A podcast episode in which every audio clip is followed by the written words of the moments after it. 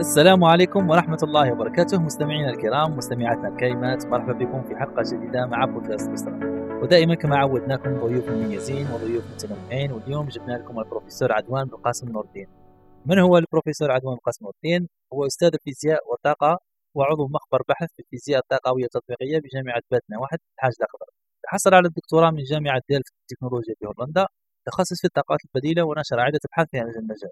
درس بجامعة باتنا التي تحصل منها على شهادة الهندسة في الميكانيك بدرجة الامتياز والأول على الدفعة. قبل أن يلتحق بجامعة الموصل بالعراق ليكمل دراسة الماجستير هناك بمنحة من وزارة التعليم العالي. التحق بعدها بجامعة ديلف في التكنولوجيا حيث تخرج منها بشهادة الدكتوراه. من غير إطالة نفوت طه ونبدأ الحلقة تفضل.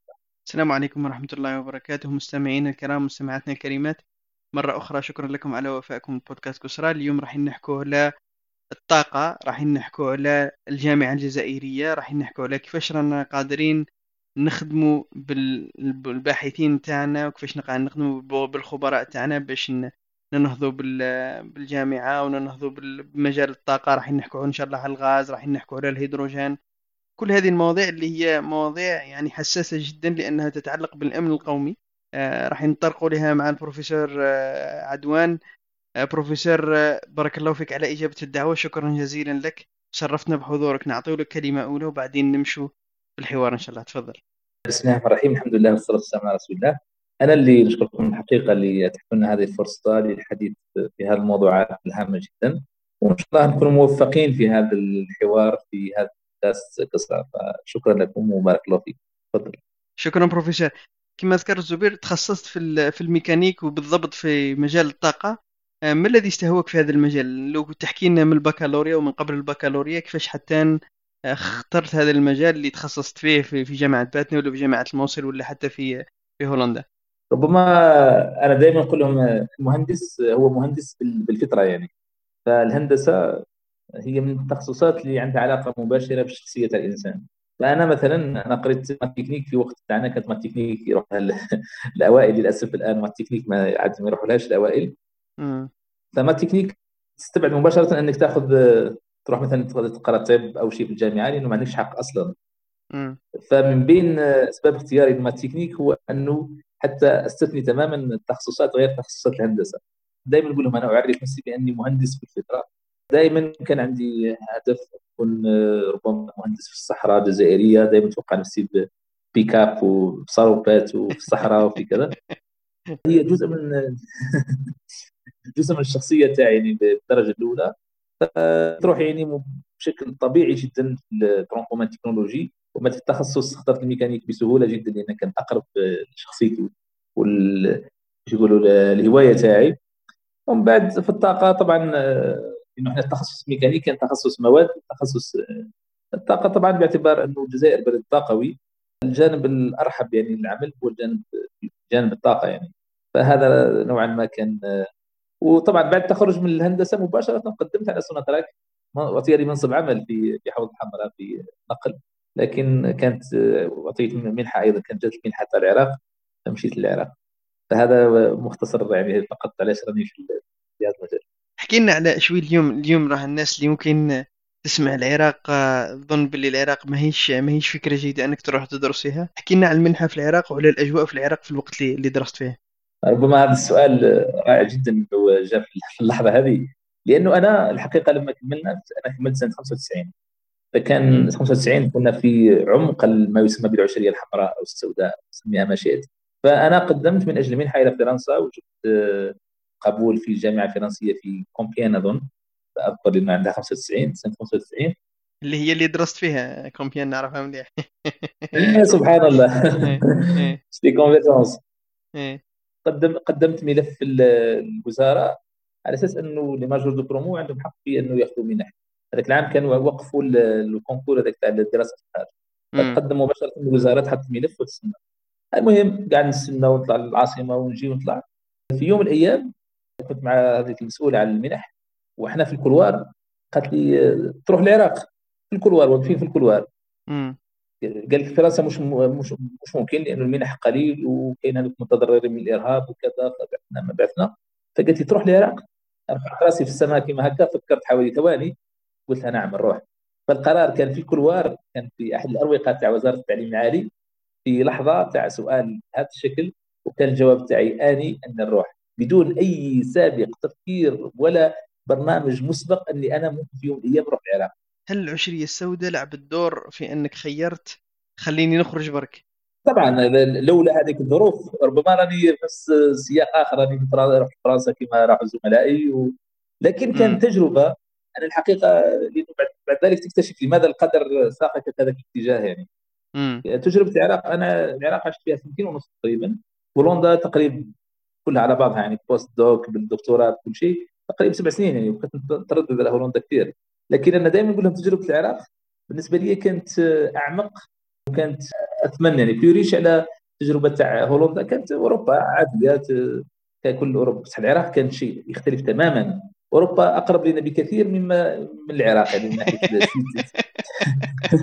أنا دائما نقول لهم أنا دائما نقول لهم باللي راني دائما كل ما نحكي كل ما نمشي في الحياة نقول إحنا ما عرب إحنا شبهاء بالعرب شوي لأنه تلقى عندنا شبهاء كثير في أوروبا. نعم الحياة تاعك هنا في الجزائر تروح لفرنسا تلقى طبيعي جدا يعني مش فروق كبيرة جدا.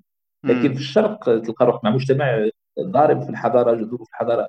فكان اكتشاف غير عادي بالنسبة لي أنا. فكانت سنتين ونص فعلا بالنسبة لحياتي أنا تأثرت وتعلمت فيها الكثير الكثير. فهذه بالنسبة لاختيار العراق. فكنت من الأوائل يعني اللي اللي بعثوهم العراق في سنة 95 أذكر لما نزلت في بغداد طبعا ما كانش إذا ما كانش الطيران كانت حصار العراق 95 96 فرحنا لعمان بعثنا لعمان من عمان رحنا بالبيوس 900 كيلومتر. يعني حوالي 350 350 في الأردن وحوالي 550 أو شيء في العراق باش توصل لبغداد. فكي وصلت للسفارة تقول نزلت لهم من السماء كنت أول طالب مبتعث هذاك البرنامج اللي داروا مع العراقيين برنامج تعاون أول واحد وصل. كانش كيما هكا كي هذاك استقبلني في السفارة هز التليفون اتصل لا ادري من مستشار ثقافي ولا؟ قال له بداو الطلبة يتوافدوا وأنا كنت وحدي يعني. لأنه كانوا يستناو فينا فالمهم رحت الفندق السفارة تتصل السفير استقبلني انيا في اللحظة. يديوني في السيارة تاع السفارة نجيب السيارة تاع السفارة. المهم كنت دبلوماسي فوق العادة في العراق. حتى لي كورس باش نروح للوزارة يديوني هما في السيارة تاع السفارة. ومن بعد للأسف طلعت الموصل لقيتهم باللي مشاو هما في الدراسة. إحنا رحت في نوفمبر أخروا الأوراق وكذا. فقالوا لي عندك فرد حل أنك تأجل ديال الروبور العام القادم وترجع. وإلا تدخل في امتحان مباشرة في الامتحانات بدون دراسة. ولو كان ترسب عندهم أي واحد يرسب في الدراسات العليا في العام الأول يسميهما ترقين القيد يرقم قيده يعني خلاص ينتهي ينسى أنه يدرس ماجستير مرة ثانية يعني ولا دراسات عليا. فأنا كي شفت المغامرة مغامرة كبيرة وخطيرة قلت أنا نروح نشوف في الأمور العام القادم نجي إن شاء الله. وهكذا كان روحت. وفي العام اللي بعده رجعت وكملت ماجستير سنه 99 هذه تجربه العراق فكانت تجربة رائعة جدا مستوى التعليم كان ممتاز جدا خاصة في السنة التحضيرية. طبعا الهندسة باللغة الإنجليزية نقرأ باللغة الإنجليزية. جامعة الموصل بعد ذلك اكتشفت رحت أنه كانت أحسن الجامعات في العراق وما ثاني حتى الآن ممتازه رغم كل الظروف اللي فاتت عليها. فأهم شيء في العراق إذا تلخص كلمتين للساده المستمعين اللي راهم يسمعونا العراق هي حضارة عريقة وهناك تقاليد في كل شيء. أينما ذهبت تجد تقاليد تقاليد في الدراسة تقاليد في التقاليد عريقة تحكم كل شيء. ربما نعرجوا ليه بعدين إحنا لأن واش راه صاير عندنا؟ إنه ما عندناش للأسف تقاليد. ما قدرناش نرسي تقاليد في الدراسة تقاليد في التعليم تقاليد في كذا. فهما فعلا كل شيء مؤطر تقاليد عريقة جدا. في العراقة يعني بلد تحس إنه عريق عريق. فلذلك هذه البلدان هذا النوع كل هزات تمسهم مثلا العراق الآن الان لكن تأكد إنه بعد سنوات راح يقدروا يتجاوزوا هذا الوضع ويقدروا يبنيوا بلادهم مرة ثانية لأنه كاينة جذور لحضارة راسخة وراسخة جدا في هذاك البلد. ربما نرجع لهذه النقطه بعدين ممكن أرجع لها شد انتباهي أن انك قلت باللي كاين اختلاف كبير جدا بيننا وبين العراق لما نقارنوا إحنا مثلا الجزائر أو الجزائري لما يمشي لفرنسا ولا لأوروبا ولا لما يمشي لما يمشي للعراق ما هي الاختلافات اللي لاحظتها وما هي أعطينا طرائف من اللي عشتهم في العامين هذوك والعامين ونصف اللي خلاك تشوف باللي إحنا مختلفين عليهم؟ إيه ربما أهم شيء هو مثلا طريقة العيش. إحنا مثلا بالنسبة لأوروبا ناكلوا بنفس الطريقة حتى نحكيو بنفس الطريقة نقعدوا بنفس الطريقة. هم آه، مجتمع عنده تقاليد راسخة في كل شيء يعني حتى في العزومات يعني لما يعزمك في بيت يعني ليس لك أن تتصرف كما شئت يعني إحنا أمور تاعنا أسهل بكثير يعني الأوروبيان كما يقولوا. آه، فهم كاين كاين تقاليد كاين كيفاش ياكلوا كيفاش يشربوا كيفاش التحية الكبير الصغير الحديث من يتكلم اولا طريقة الاستقبال. فمجتمع كلش تاعو مقنن بواحد الشكل تكتشفوا أنك وهذه الأشياء أنت لا تعرفها لا يمكن أن تعرفها إذا كنت بعيد عليه. أنا أقول لهم هناك أشياء لذلك السفر السفر يسكر والسفر كتاب مفتوح. العراق هذا سمعت عليه أنا قريت عليه كذا.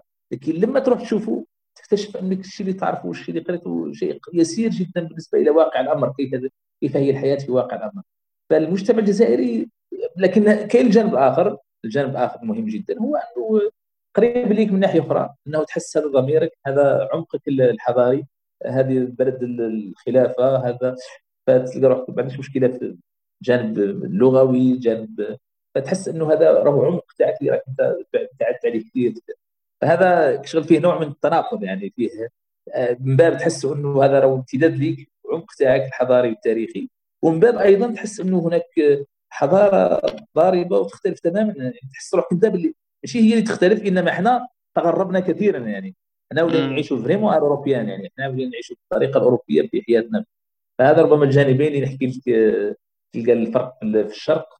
هناك عبق للشرق هناك ثقافة هناك حضارة هناك تقاليد ضاربة في التاريخ. إحنا ربما فتره الاستعمار اثرت علينا بزاف. خلتنا في كثير من أمورنا في أكلنا في لبسنا في حتى في في تقاليدنا المختلفة فيها بزاف جوانب غربية يعني. أنا اللي حيرني أيضا هو أنه قلت لي باللي جامعة جامعة الموصل هي من أحسن الجامعات العراقية ونظام تعليم ممتاز جدا.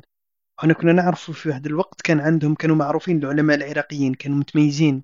نعم. هل الدراسة اللي كانت ثم كانت دراسة من طرف علماء اللي معروفين في المجال تاعهم خصوصا في الميكانيك نظن في الطاقة معروفين خصوصا أنهم هم مثلا أيضا بلد طاقوي؟ شوف العراق استثمرت في هذا الجانب بشكل غير عادي. العراق أغلب الأساتذة تاعها دارسين في في أمريكا يا في إنجلترا أغلب الأساتذة. وأنا اكتشفت بعد ذلك إنه فعلا التعليم الأمريكي يعني الناس المتخرجين من أمريكا يختلفون عن كل خريجي باقي العالم يعني. لأنه شفت خريجين مختلف انحاء العالم لكن اللي درسوا في أمريكا بالضبط تكوينهم غير عادي. فإحنا اللي درسوني أنا كلهم أغلبهم متخرجين من أمريكا الدكاتره اللي قروني أنا. يعني مستوى مستوى الدكاترة اللي قروني في السنة التحضيريه على كل حال ربما قليل من تلقى المستوى هذا كان عندنا بهذاك الشكل. فالعراق كان ربما نعرجهم بعد على هجرة الأدمغة ما هجرة الأدمغة. العراقي لما يدرس في أمريكا كان لا يستهويه أنه يبقى في أمريكا لأنه لما يرجع العراق يرجع يعيش أمير يعني. حتى الحي اللي يسكن فيه يسميه حي أحياء الكفاءات. وما عندهم أحياء اسمه حي المهندسين كما مصر. وعندهم أحياء تاع الجامعة اسمه أحياء حي الكفاءات. واحد حي الكفاءات اثنين الأساتذة الجامعيين تلقى عنده قصر ماشي فيلا. 1000 متر وعايش مرتاح تماما في بلاده يعني. فأكيد لن يختار أنه يعيش في الغربة ما دام يعامل مثل هذه المعاملة في في بلاده معروف أنه الدكاتره العراقيين لما يخيرون يعني هذاك الوقت مش الآن بين أنه يرجعوا العراق ولا يبقوا في أمريكا أغلبهم كانوا يرجعوا العراق لأنه يخدم في بلاده ومرتاح بشكل غير عادي والمجتمع يقدر العلم بشكل غير عادي. فعلاش يبقى في بلاد الناس. فهذا ربما لأنه العراق استثمرت في هذا الجانب. طبعا كاين عندهم حاجة. أنا خدمت في ماجستير خدمت على واحد l'aile d'avion aérodynamique دينا مشروع تاع l'avion delta هذاك كانت مشاريع اللي عندها علاقة عندهم شيء اسمه التصنيع العسكري. هذا التصنيع العسكري كان لا يمكن لطالب أجنبي أنه يدخل لل laboratoire هذا تاع التصنيع العسكري. تعتبر مخابر سرية مختبرات سرية يعني ما مش ممكن. فكان بدنا يعني نديروا بعض التجارب لكن ما قدرناش في النهاية. باش نخدموا معهم فهذا هذا التميز يعني الجامعة العراقية آه، تميزها بأنه استثمرت في الكادر المؤثر. اليوم كنا في الجامعة اليوم أنا في بيتنا كنا نحكيو على أنه الجامعة الجزائرية ربما نحكيو عليها وبعد لكن فقط ما دام قاعدين نحكيو على الكادر الكادر المؤثر أنه هذا ال médiocrité وهذا المستوى للأسف المتدني اللي قاعد يخرج من الجامعة بعد 10 سنوات 15 سنة راح تكون الجامعة كلها مؤثره بهؤلاء. صح. فاليوم رانا نشكيو عندنا أستاذ عندنا أساتذة لاباس بهم لكن كلهم راهم في سن قريبين من سن التقاعد لكن جيدين. نشكيو مستوى الطالب مستوى الطالب اللي تبعثه لنا من المؤسسة التربوية ولا الثانوية. لكن غدا راح يكون مشكلة راح تكون مزدوجة. مش فقط مستوى الطالب اللي متدني إنما مستوى الأستاذ أيضا راح يكون متدني للأسف. وهذا الواقع لازم نشوفوه كما هو. لماذا؟ لأنه أنا اسميها الجامعة ال s'auto ال s'auto-alimente صح. آه self sustained sustained لأنه درسوا فيها اللي اثروا فيها درسوا فيها. بالضبط. فالآن أنت ما دام المستوى تاع الخريج تاعك راهو ينزل مع الزمن هذا دون أن مستوى لأنه بعض الناس من كل كلام هذا حطاها يظن وكأنه نجلد الذات أو كذا. لا لا لا. ابدا لازم يكون واقعي لما يشوف واقع قدامه ويحب يشخصه ويحب يخرج بحلول حقيقية. فالجامعة بهذا المستوى راهي الصوت أليمونت بمستوى أردى وأردى وأردى فتهبط في حلزون نحو الاسفل فبعد 10 سنوات 15 سنة أغلب الأساتذة اللي موجودين اللي مات مات اللي تقاعد تقاعد فتلقى الجامعة فيها فقط كادر مؤثر كله خريج هذه الجامعة هذه ومستوى لن يزيد الا إلا سوء. فالجامعة العراقية عرفت كيفاش تستثمر هذا الجانب واستثمرت فعلا في, في الأستاذ فمستوى الأساتذة ممتاز جدا. الباقي مش تحتاج أنت في الجامعة يعني تحتاج أستاذ جيد طالب ممتاز جيد إطار تاع عمل مريح وخلاص ربما هناك بعض التخصصات اللي فيها مشكل تاع لما تكون عندك مختبرات ما عندكش مختبرات ما عندكش أدوات كذا هذا هذا نعم هذا قد يشكل عائق. لكن إذا ما تحتاجش مختبرات وما تحتاجش مستوى تحتاج مختبرات يعني عالية الدقة وكذا التخصصات هذه كلها فقط طالب جيد مؤثر جيد وإطار عمل جيد وخلاص. تنتج احسن أحسن امم بعدها بعد ما كملت في العراق لأننا كي نشوف المسار تاعك نقول كيفاش حتى نروح العراق ومن بعد أنا فهمنا ومن بعد كيفاش حتى رحت لهولندا هولندا. لأنه لأنه لأنه عادة تروح للدوله اللي اللغة تاعها أسهل. هولندا ما هيش من اللغات اللي الهولندية ما هيش من اللغات اللي تجينا سهلة نخافوا منها. هو اولا قبل ما نحكي علاش اولا هولندا بالإنجليزية.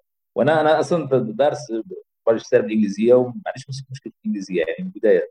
وما تعرف أخي طه هولندا كثير من الناس يقول لك علاش نتعلم الهولندية؟ ما دام الهولنديين يعرفوا صح الانجليزيه صح صح, صح, صح أحسن صح أحسن الشعب شفتهم إنه يهضروا إنجليزية هم الهولنديين. ممكن بالك السويديين. why learn Dutch قال لك Dutch قال Dutch people they know English better than English صح people. صح والله يهضروها في هولندا كل الناس تتكلم الإنجليزية يعني. ما عدا بعض الناس البسطاء هكذا تلقاهم في ولا مع ذلك تلقاه يمشي أموره. يعني قليل وين تهضر مع واحد بال...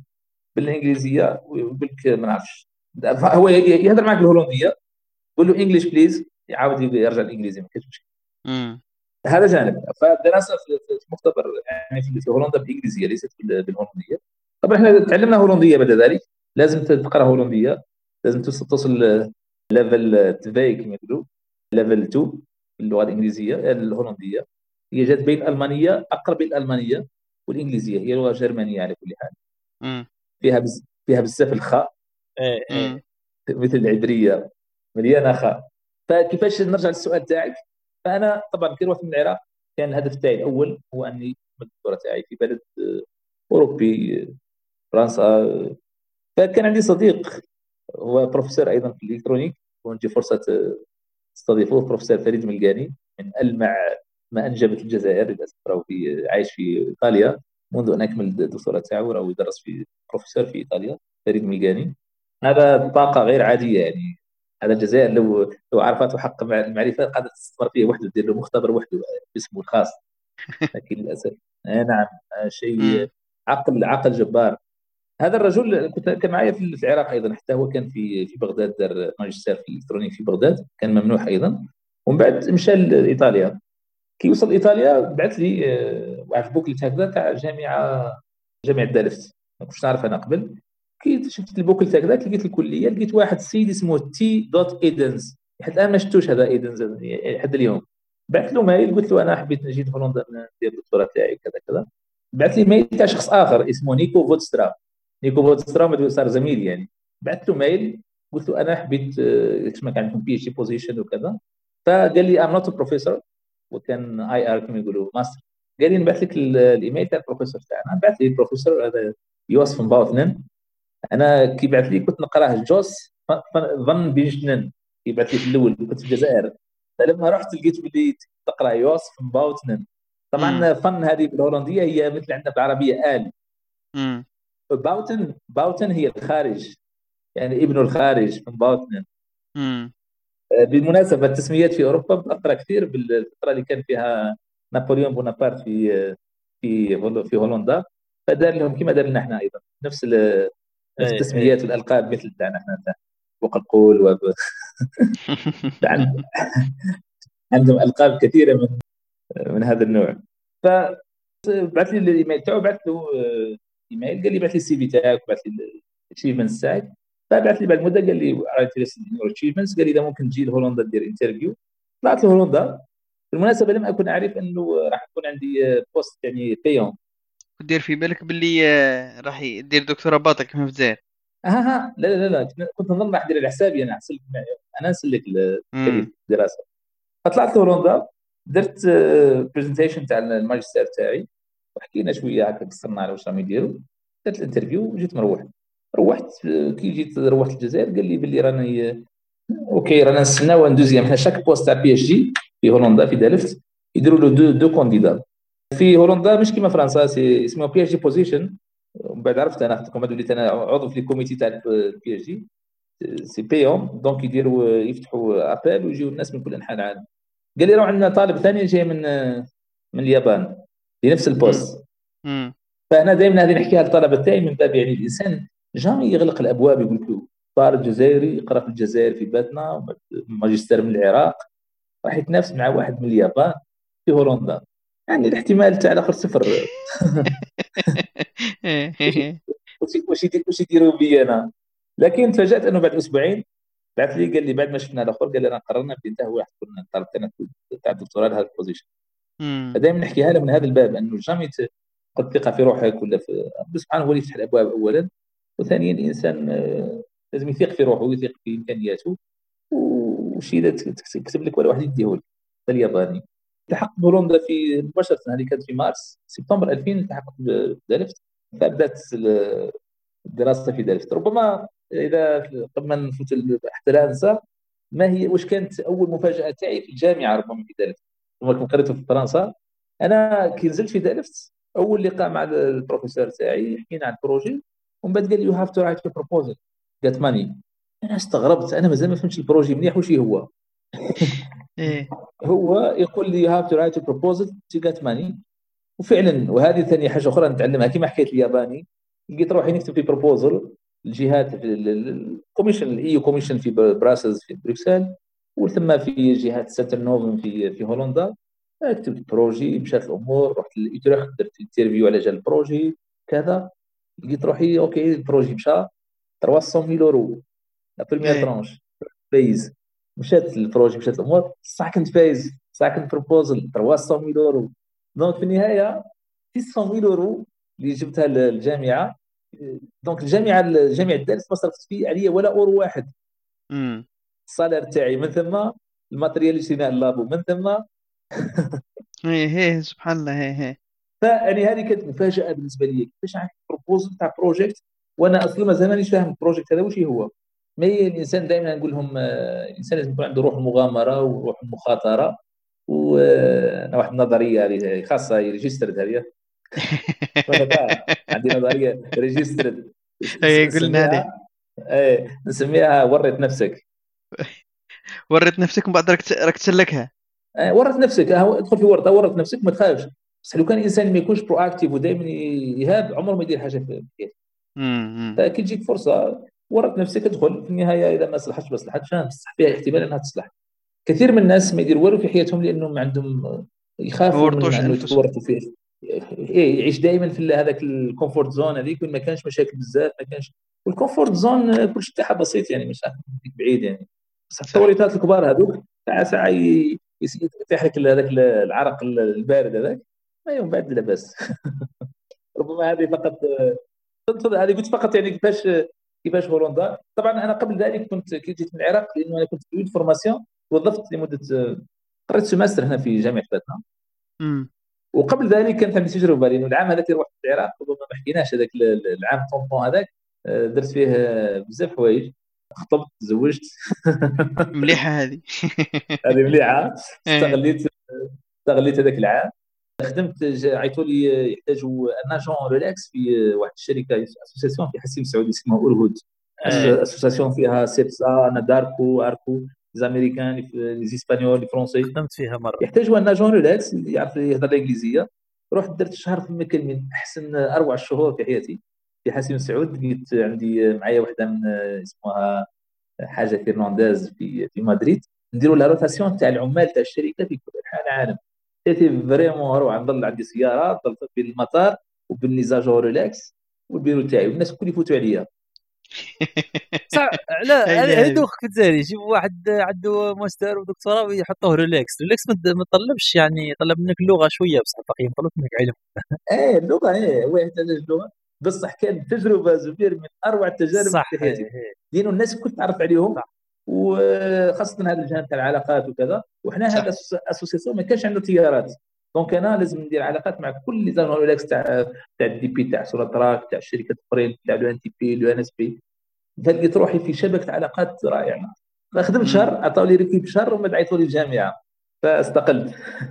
فقريت ثاني trois mois قريت trois بعد ذلك في في الجامعة في في باتنا في génie sécurité ومن بعد مشيت la Hollande يعني هذا فقط باش تعرفوا هذاك واش واش صرا بين العودة من العراق والذهاب إلى هولندا باش نرجع للموضوع تاع الجامعة وكيفاش ننهضوا بالجامعة نبداو بحاجه ادهشتني هو أنه الثقة اللي كنت تحكي عليها أنت واللي اعطاها لك الأستاذ حتى وأنه كما يقولوا خوتنا التونسه يا دوب ما جيت ما جيت في الجامعة قال لك هيا تبدأ هيا اكتب لي بروبوزل هذا مشروع مشروع بحث تكتبه وتروح تقدمه دار فيك ثقة. هل ممكن تعرجنا على هذه الثقة المتبادلة بين الأستاذ والطالب؟ ودورها في دفع بالطالب أنه يكون يثق في نفسه خصوصا أنه يخدم أفضل تحفزه من باب التحفيز. طبعا نقول لك طه هذا الأمر هذا أنا إحساسي كطالب دكتوراه في هولندا يختلف تماما عن إحساس الطلبة اللي عندنا الآن في الطلبة تاعي أنا في الجزائر كطالب دكتوراه. كاين فرق كبير جدا. هذا الفرق ما هو؟ أنت في هولندا you are the expert كما يقول لما يحبوا أي شيء تاع expertise يجيك أنت طالب دكتوراه هو the expert هذاك الجانب. الطالب هنا هو هو هو طالب صغير جدا ويسأل ولا يعرف يحب يكتب article ما يعرفش يكتبه يحب يبعثه ما يعرفش كيفاش يبعثه في ظروف. فهذا هذا الثقة هذه تبدأ اولا ما هو مستوى طالب دكتوراه في هولندا مثلا. أنا نعرف هولندا فرنسا ما نعرفهاش بلدان أخرى ما نعرفهاش.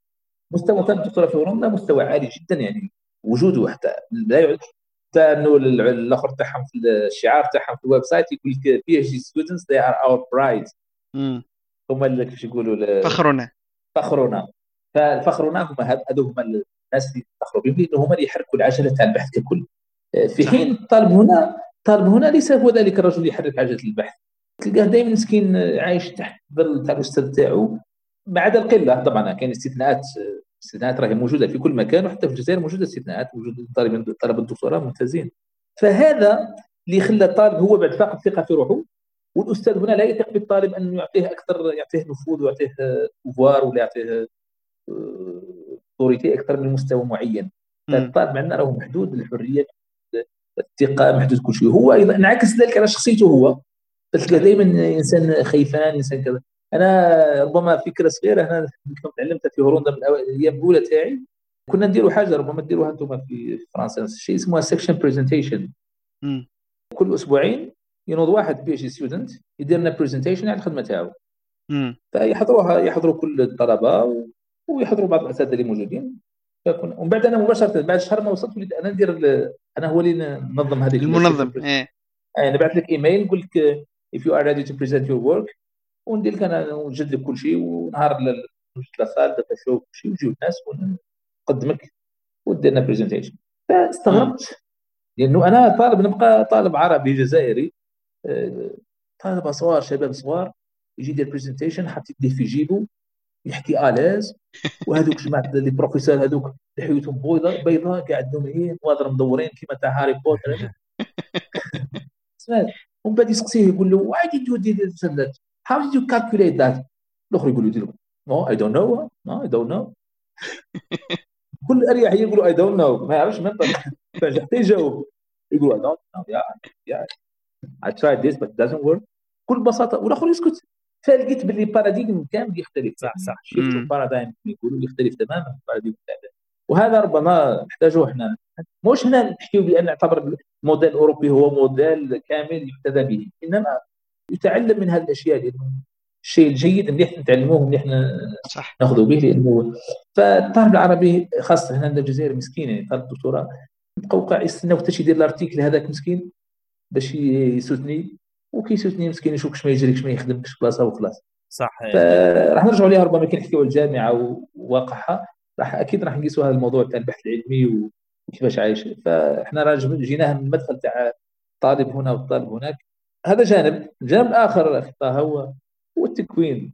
هذه اللي حبيت نسقسيك عليها هل هل هل هذه العقلية أو هذا نمط التعامل راجع للتكوين ولا راجع لعقلية الأستاذ المؤطر ولا راجع للجامعة اللي ما توفرش الجو ولا راجع للثقافة ثقافة المجتمع ولا كنت في السابق كنت مدير المخبر؟ هل قدرت مثلا أنك تدير هذوك السيمينارز اللي كنت كل أسبوعين ولا كل شهر يجوا إحنا إحنا نديرهم هنايا؟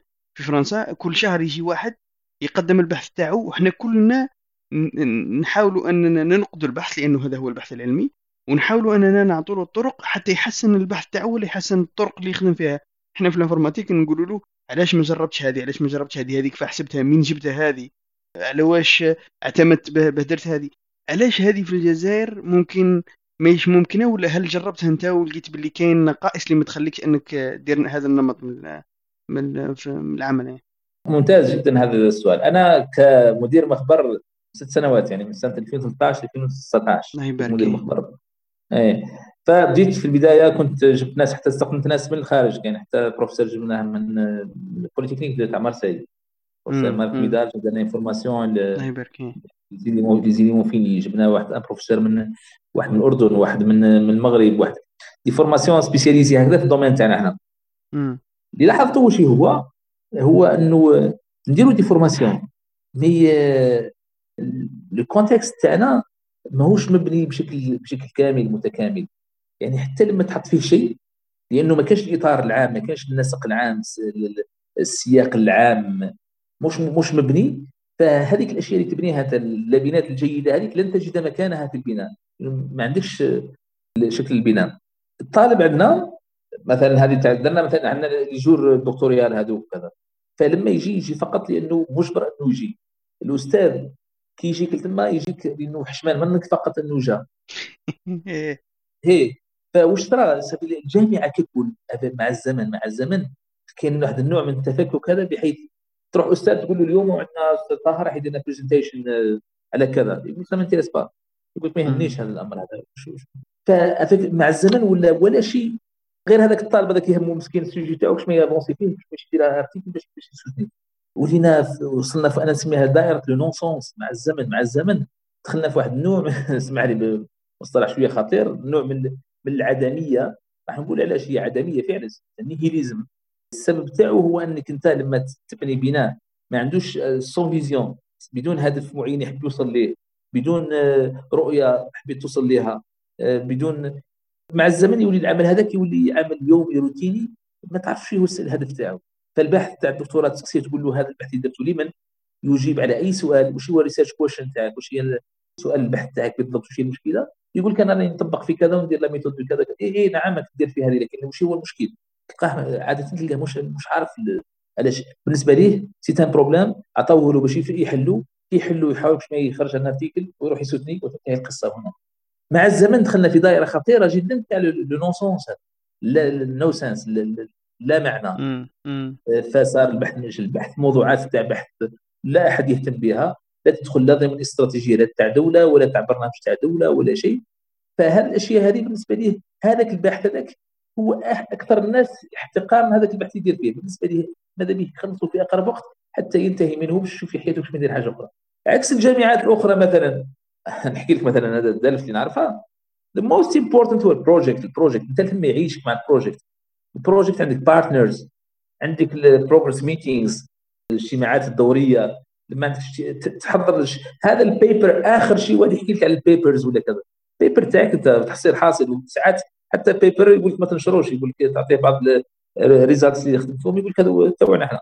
هذو رانا دفعنا عليهم فلوس باش لقيناهم تروحش تنشرهم للناس يوليو الناس الكل هناك إنسان ينتظر نتائج البحث عطاك فلوس عطاك project وهناك استراتيجية أصلا كبيرة. مثلا إذا كان نحكيو ال Union européenne عندها استراتيجية تاع أوروبا. ها هي مجالات البحث المعتمدة ولا ذات الأولوية. ها هي الملايين تاع الدولارات والأوروات اللي هنا. الناس تتسابق من أجل أن تأخذ شيء من هذيك الدراهم هذو باش يديروا البحث باش يرضيو هذاك الذي أعطاهم الدراهم وتولي gagnant gagnant gagnant. أنا ندير البحث ندير الدكتوراه أنت تدير ال project results لوك يدير كذا دير كذا. اضافه هناك الضغط تاع الناس اللي مولوك فأنت تحت مم. تحت الرقابة يعني تخدم. هذا الشيء كله مفقود هنا. صح. sujet تدي فينا بشكل هكذا في في الهواء. البيرو كيما هكا يجي يقول لك sujet يقول لك نفكر رجع لي رجع لي. وبعد والله كان un sujet d'actualité تخدم sur كذا.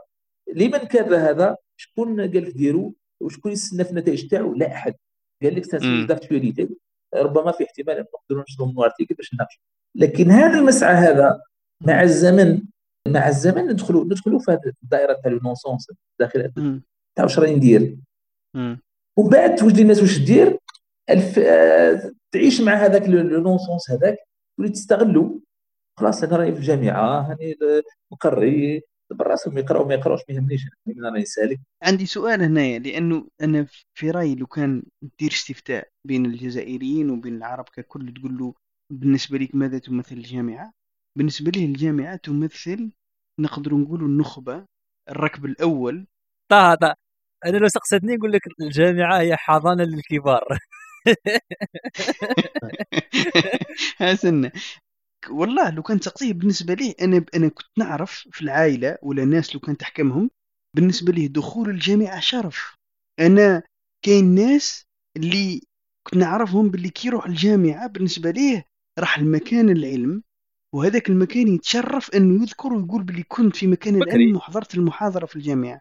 لا لا وهذا هو مكان الجامعة من المفروض لأنه تقدر تقول باللي ثم تناقش كل الأفكار وكل الأمور اللي متعلقة بالعلم وبأفكار التطور والأفكار اللي تخرج اللي تنفع الجامعة أنا نتذكر في وقت الكوفيد كنا في اتصال يعني تقريبا شبه يومي وكان تقريبا يعني شبه يومي كنا في الاتصال مع البروفيسور كن كان عنده هذا النظرة تاع انه الجامعة اللي نظرية كما كنا نقولوا وما تفيدش المجتمع ما عندنا ما نديروا بها هذه الجامعة. وكان قدم مبادرة في وقت الكوفيد حبيت يحكي لنا عليها؟ ويحكي لنا علاش هذه المبادرة كانت نابعة من تصوره لجامعة تساهم في خدمة المجتمع. لأنه كما كان يقول لك إذا الجامعة دير لي بحث علمي ومن بعد غدوة ما نلقاش هذا البحث العلمي في شركة ولا ما نلقاش يفيد المجتمع مش ندير به البحث العلمي هذا. هذا يبقى حبس حبيس الأدراج. صح. إيه شغل البحث العلمي يولي ميتا يولي البحث من أجل البحث. بالضبط. كما قال لك باش واحد يقول باش نكتب مقال وننشره ما كان وراه والو. ونناقش دكتوراه وخلاص في في حبذا لو تحكي لنا على الفكرة المبادرة اللي درناها في وقت الكوفيد. نعم. وبعدين نعم. علاش جاي التصور تاعك للجامعة؟ كيفاش تشوف أنت الجامعة ننهض بها لأنها جامعة مشاركة في المجتمع؟ بالضبط. طبعا هذيك الكوفيد كان تحدي فعلا الناس كامل انتبهوا إلى الجامعة كيف كيف يجب أن تكون يعني. ترصد نبض المجتمع وتحس بألامه وتساهم في في رفع مثل هذه الالام ربما نحكي القصة هكا بسرعة كيفاش. إحنا قبل 2019 سبتمبر 2019 نظمنا تكوين في ال impression 3D مع مؤسسة تيكا التركية هذه اللي موجودة مؤسسة التعاون التركية اللي موجودة هنا في الجزائر تيكا يسموها. فجانا واحد مكون من تركيا وعطونا imprimante 3D هديه الحقيقة station كل شيء. ودرنا تكوين حوالي 15 أو 20 طالب من عندنا. كان تكوين من اروع ما يكون آه، في الفترة الصيفية. فقدر الله مباشرة بعدها جات جات كوفيد فواش نقدروا نساهموا هنا؟ واش نقدروا نديروا؟ للأسف يعني ما عندناش المختبرات اللي نقدروا نحكيو على اللقاح ولا نحكيو على حاجات متقدمة جدا. فقال لك علاش؟ فجات الفكرة لماذا لا نستغل هذا الكريمونتر الديني عندنا باش على الأقل نحميو هذوك الناس اللي راهم في الصفوف الأولى في الأطباء اللي كانت الناس تموت بالعشرات يوميا. فكانت هذه فكرة الأقنعة الحقيقة اللي كانت فكرة عالمية ماشي فكره تاعنا إحنا. فهذا مصمم تشيكي أظن هو اللي دار التصميم. تاع ال programme تاع اونتر ودي وهذاك التصميم داروا مفتوح في الانترنت يعني اللي يحب يدير يشارجيه ويمبريمي به 3D يمبريمي به فبدينا حتى حنا أيضا في المخبر تاعنا بدينا نمبريميو درنا des visières درنا des lunettes درنا بزاف حوايج درنا حتى des, des pièces تاع الآلات اللي دير التنفس كان واحد pièce en plastique يستعملوهم لكل مريض آلات التنفس وما يرميوهم فاحنا قدرنا نبريميهم 3D أيضا. ومن بعد لقينا بلي الفكرة نحتاجوا عدد كبير من الأقنعة هذه. أنا بعثت لك طه أنا بعثت لك le lien تاع تاع الفيديو خلاص إيه OK نشوف. إيه تاع فلقينا بلي نحتاجوا عدد كبير جدا. فانتقلنا من من ال impression 3D طباعه ثلاثيه الابعاد إلى صناعة قالب معدني باش نديروا فيه ال moulage بالبلاستيك injection plastique فقدرنا انتجنا يعني ولات مصنع للأسف في, في هذا البودكاست ما قدرتش نعطي لكم الفيديو لكن رجعنا الجامعة حولنا الجامعة إلى مصنع عشرات. حطوا الرابط تاعه إن شاء الله. اي ممكن اي نعم الرابط موجود الرابط موجود عندها. فحولنا الجامعة إلى مصنع كبير جدا. انتجنا هما كتبوا في الفيديو حوالي 20000 لكن هي أكثر من 50000 قناع. وصلناها لكل أنحاء الجزائر. وهذاك ربما الجانب الرمزي فيه أكثر من الجانب المادي. يعني تاع أنك قناع للوجه مصنوع في في جامعة. فيدير واحد الرابط هكذا وحتى أنه كيفاش كتبنا كتبنا هدية من إخواني كذا إلى إلى إلى مدينة تكورس إلى مدينة سكيده إلى مدينة الوادي إلى كذا إلى كذا. فانتجنا هذاك هذاك الرابط اللي كان اللي كانت الناس تحوس عليه بين ماذا تستطيع هذه الجامعة أن تفعل لنا؟ لكن أنا يهمني من هذا وش يهمني؟ الشيء اللي كنا نحكي عليه طه قبل قليل لما قلت واللي قالوا زبير الآن تحول البحث من أجل البحث. هذوك الأولاد الشباب اللي كانوا يخدموا معنا في المبادرة اليوم لأنهم يشوفوا الامباكت ولا الأثر المباشر للعمل تاعهم. بسيط هذاك نوعا ما هو قناع لكن هذا القناع حتى ندنا لها شعار ومن أحياها فكانما أحيا الناس جميعا. يعني هذاك القناع ممكن في لحظة إنه يكون هو السبب في إنه يحمي الإنسان من الموت. قناع بسيط جدا للوجه حامي الوجه كامل انفيزيا ربما كانت هذاك القناع اللي صنعته أنت سبب في إنه حمى ناس بزاف إنهم ما ماتوش ولا ما تقاسوش بالفيروس بسبب إنه هذاك القناع كان كان هو اللي حماهم. ما خلاش الفيروس يفوت لهم في لحظة معينة. فانت قد ساهمت في إنقاذ الارواح من لحظه في لحظة معينة تشوف أنت العمل تاعك العمل تاعك البسيط يعني لحد ما مش حاجة معقدة جدا. كيفاش قادر تكون عندها أثر؟ هي أنها تسبب في أنها تنقذ الإنسان من الموت. وهذا خلى هذوك الشباب في لحظة يحسوا بهذاك ما يرقدوش ما يرقدوش يباتوا ثم في الجامعة. يخدموا بشكل أنا كل مرة يروحوا العشية يقولوا الصباح ما يجي الصباح تلقاهم كلهم مثل 7 تاع الصباح تلقاهم كل جاهزين. يشتغلوا ليل نهار ياكلوا ثم بالجامعة يخدموا بشكل غير عادي. فبمعنى هنا راح نديروا مدخل فقط يعني هذه الجامعة ساهمت والحق مشكور على هذا الأمر في هذا المشروع وكل الناس يساهموا فيه. لكن لما تكون يكون العمل تاعك مهما كان يكون عنده أثر الحماس تاعك للعمل التحرك تاعك المثابرة تاعك التضحية تاعك يتضاعف أضعاف كثيره لما تحس إنه هذاك العمل هذاك لا أثر له لا أحد يقدر فيقل هذاك الحماس تاعك. يقل يبقى لك فقط ما يكفي من الحماس لانك تحب تسوي الدكتوراه عندك واحد الهدف إنك تاخذ الدكتوراه وتدخل في الجامعة ولا المهم بالنسبة لك هو عبارة عن يفتح لك مركز للعمل ولا للارتقاء ولا شيء من هذا القبيل. فهذا هذا هو أخي طه يعني وش فتشوف فعلا هذا الشيء هذا عشته أنا عشته حقيقة. ربما كنت عايش معنا هذا الموضوع عشنا مع بعضنا كامل هذوك الأيامات. فربما كان مدخل رائع مازال ما استفدناش منه يعني؟ لازم نستفدوا منه. هذا كمثال حي عشناه مع بعضنا إنه كيفاش تقدر تموبيليزي كل الجامعات كل الشباب إنهم يخدموا ليل نهار لما يحسوا إنه هذاك العمل تاعهم راح يؤدي خدمة خدمة جليلة للمجتمع. فتصور أخي طه لو إنه نديروا اكسترابولاسيون تاع هذا المشروع نحو مشاريع أخرى نحو أعمال أخرى كيفاش نقدروا نفعلوا كل هذيك الطاقات والكفاءات اللي راهي موجودة في الجامعة باش تخدم المجتمع تاعها؟ أكيد راح نديروا يعني فتوح عظيمة في كل المجالات صح صح عاد نوافق 100% وخاصة انه أنه البحوث في الجامعة ما لازمش تعود كما قلنا ما تعودش بحث. نتائج البحث لازم تكون نابعة عن المشروع اللي هو داخل إما في نظره الدولة ولا مشروع الدولة ولا داخل مشروع اقتصادي لشركه تحتاجه. وإلى حنوطها كنا نتفرجوا في فيديو تاع هذاك الباحث الفرنسي يان لوكون. هذا أحد اللي راه شاد درك الذكاء الاصطناعي على الفيسبوك ويعتبر من احد أكبر يعني الباحثين في الذكاء الاصطناعي في العالم. بعد سقسوه جابوه في قناة فرنسية هذيك تيفا. بعد سقسوه قالوا له أنت علاه رحت الامريكان باش دير واش راك دير قال لهم ما نكذبوش على رواحنا. قال لهم الشركات الكبرى في أمريكا بين مايكروسوفت وفيسبوك وجوجل وأمازون ميزانية البحث تاعهم 70 مليار دولار. قال لهم فرنسا كاملة تصرف 40 مليار دولار. كانش قال لهم الله غالب قال لهم في فرنسا ما كانش العمومي.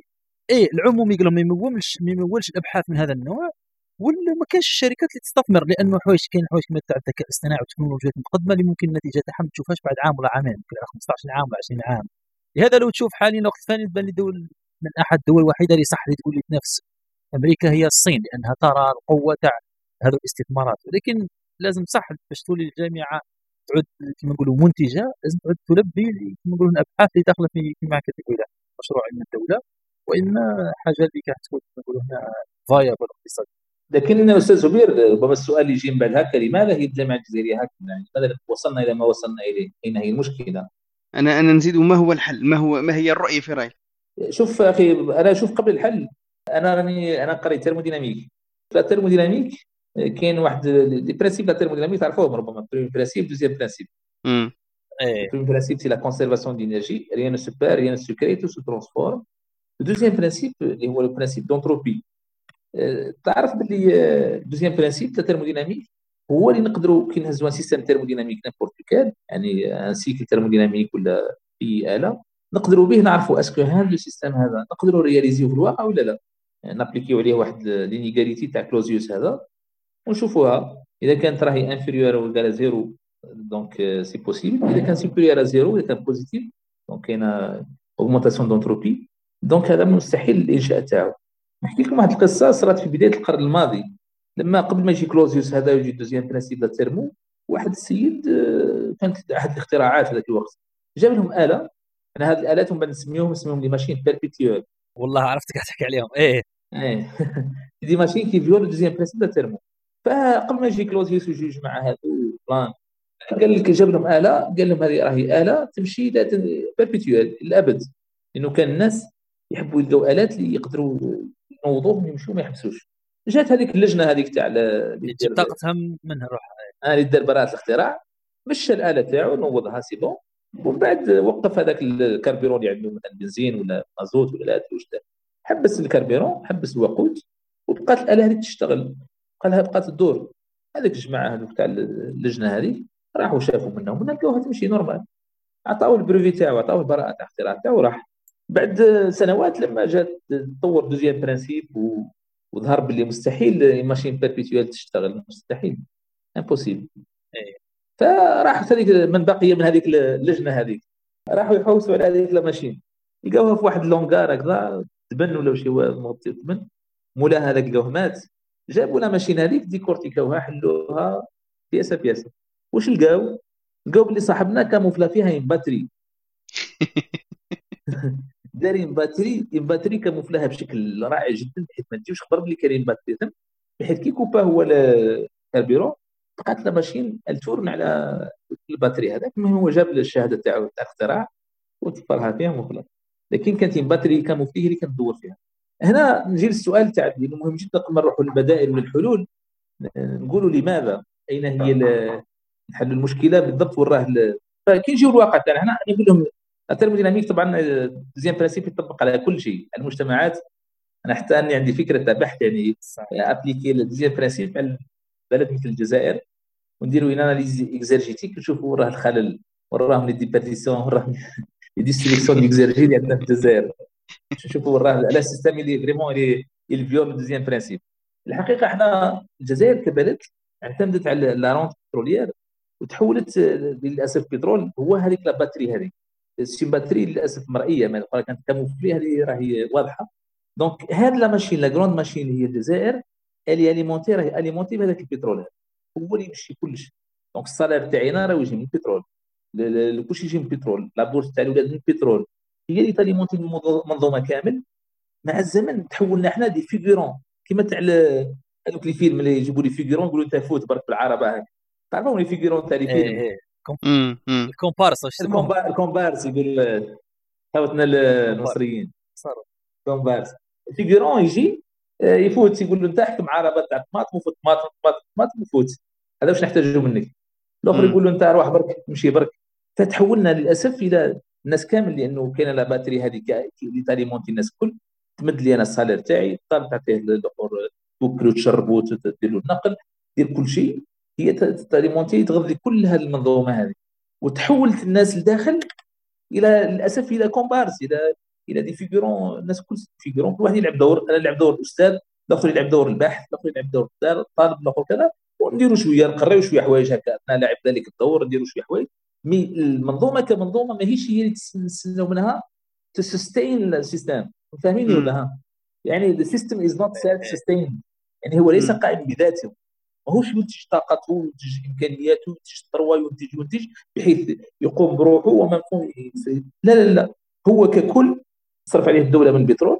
فلو تتوقف هذيك يتوقف la rente الريع البترولي هذا اللي راهو يعني كل هذه المنظومة فجاه تكتشف إنه ولا شيء يشتغل تكتشف إنه الجامعة هذه راهي ما تقدم ولا شيء المدرسة تكتشف بلي راهي كل شيء راهو alimenté بواحد الخيط تاع تريسيتي كابل تاع تريسيتي كبير اللي هو تاع البترول. واللي راه يمشي يمشي la machine كامل. طبعا هذا التحليل هذا قاسي جدا لكن أنا نشوفه صحيح إلى أبعد مدى ولازم ننطلقوا منه. تصور أنه غدوة الجامعة الجزائريه قالوا لازم تعتمد على روحك في في التمويل. تمويل آه، نعطيك مثال حقيقي شوف أخي طه وزبير نعطيك مثال حقيقي نحكيو على بلادنا وتهمنا بلادنا تهمنا بزاف. الآن مثلا في مشاريع نعطيك مثال اقتصادي في الواقع الجزائري الآن الآن اليوم.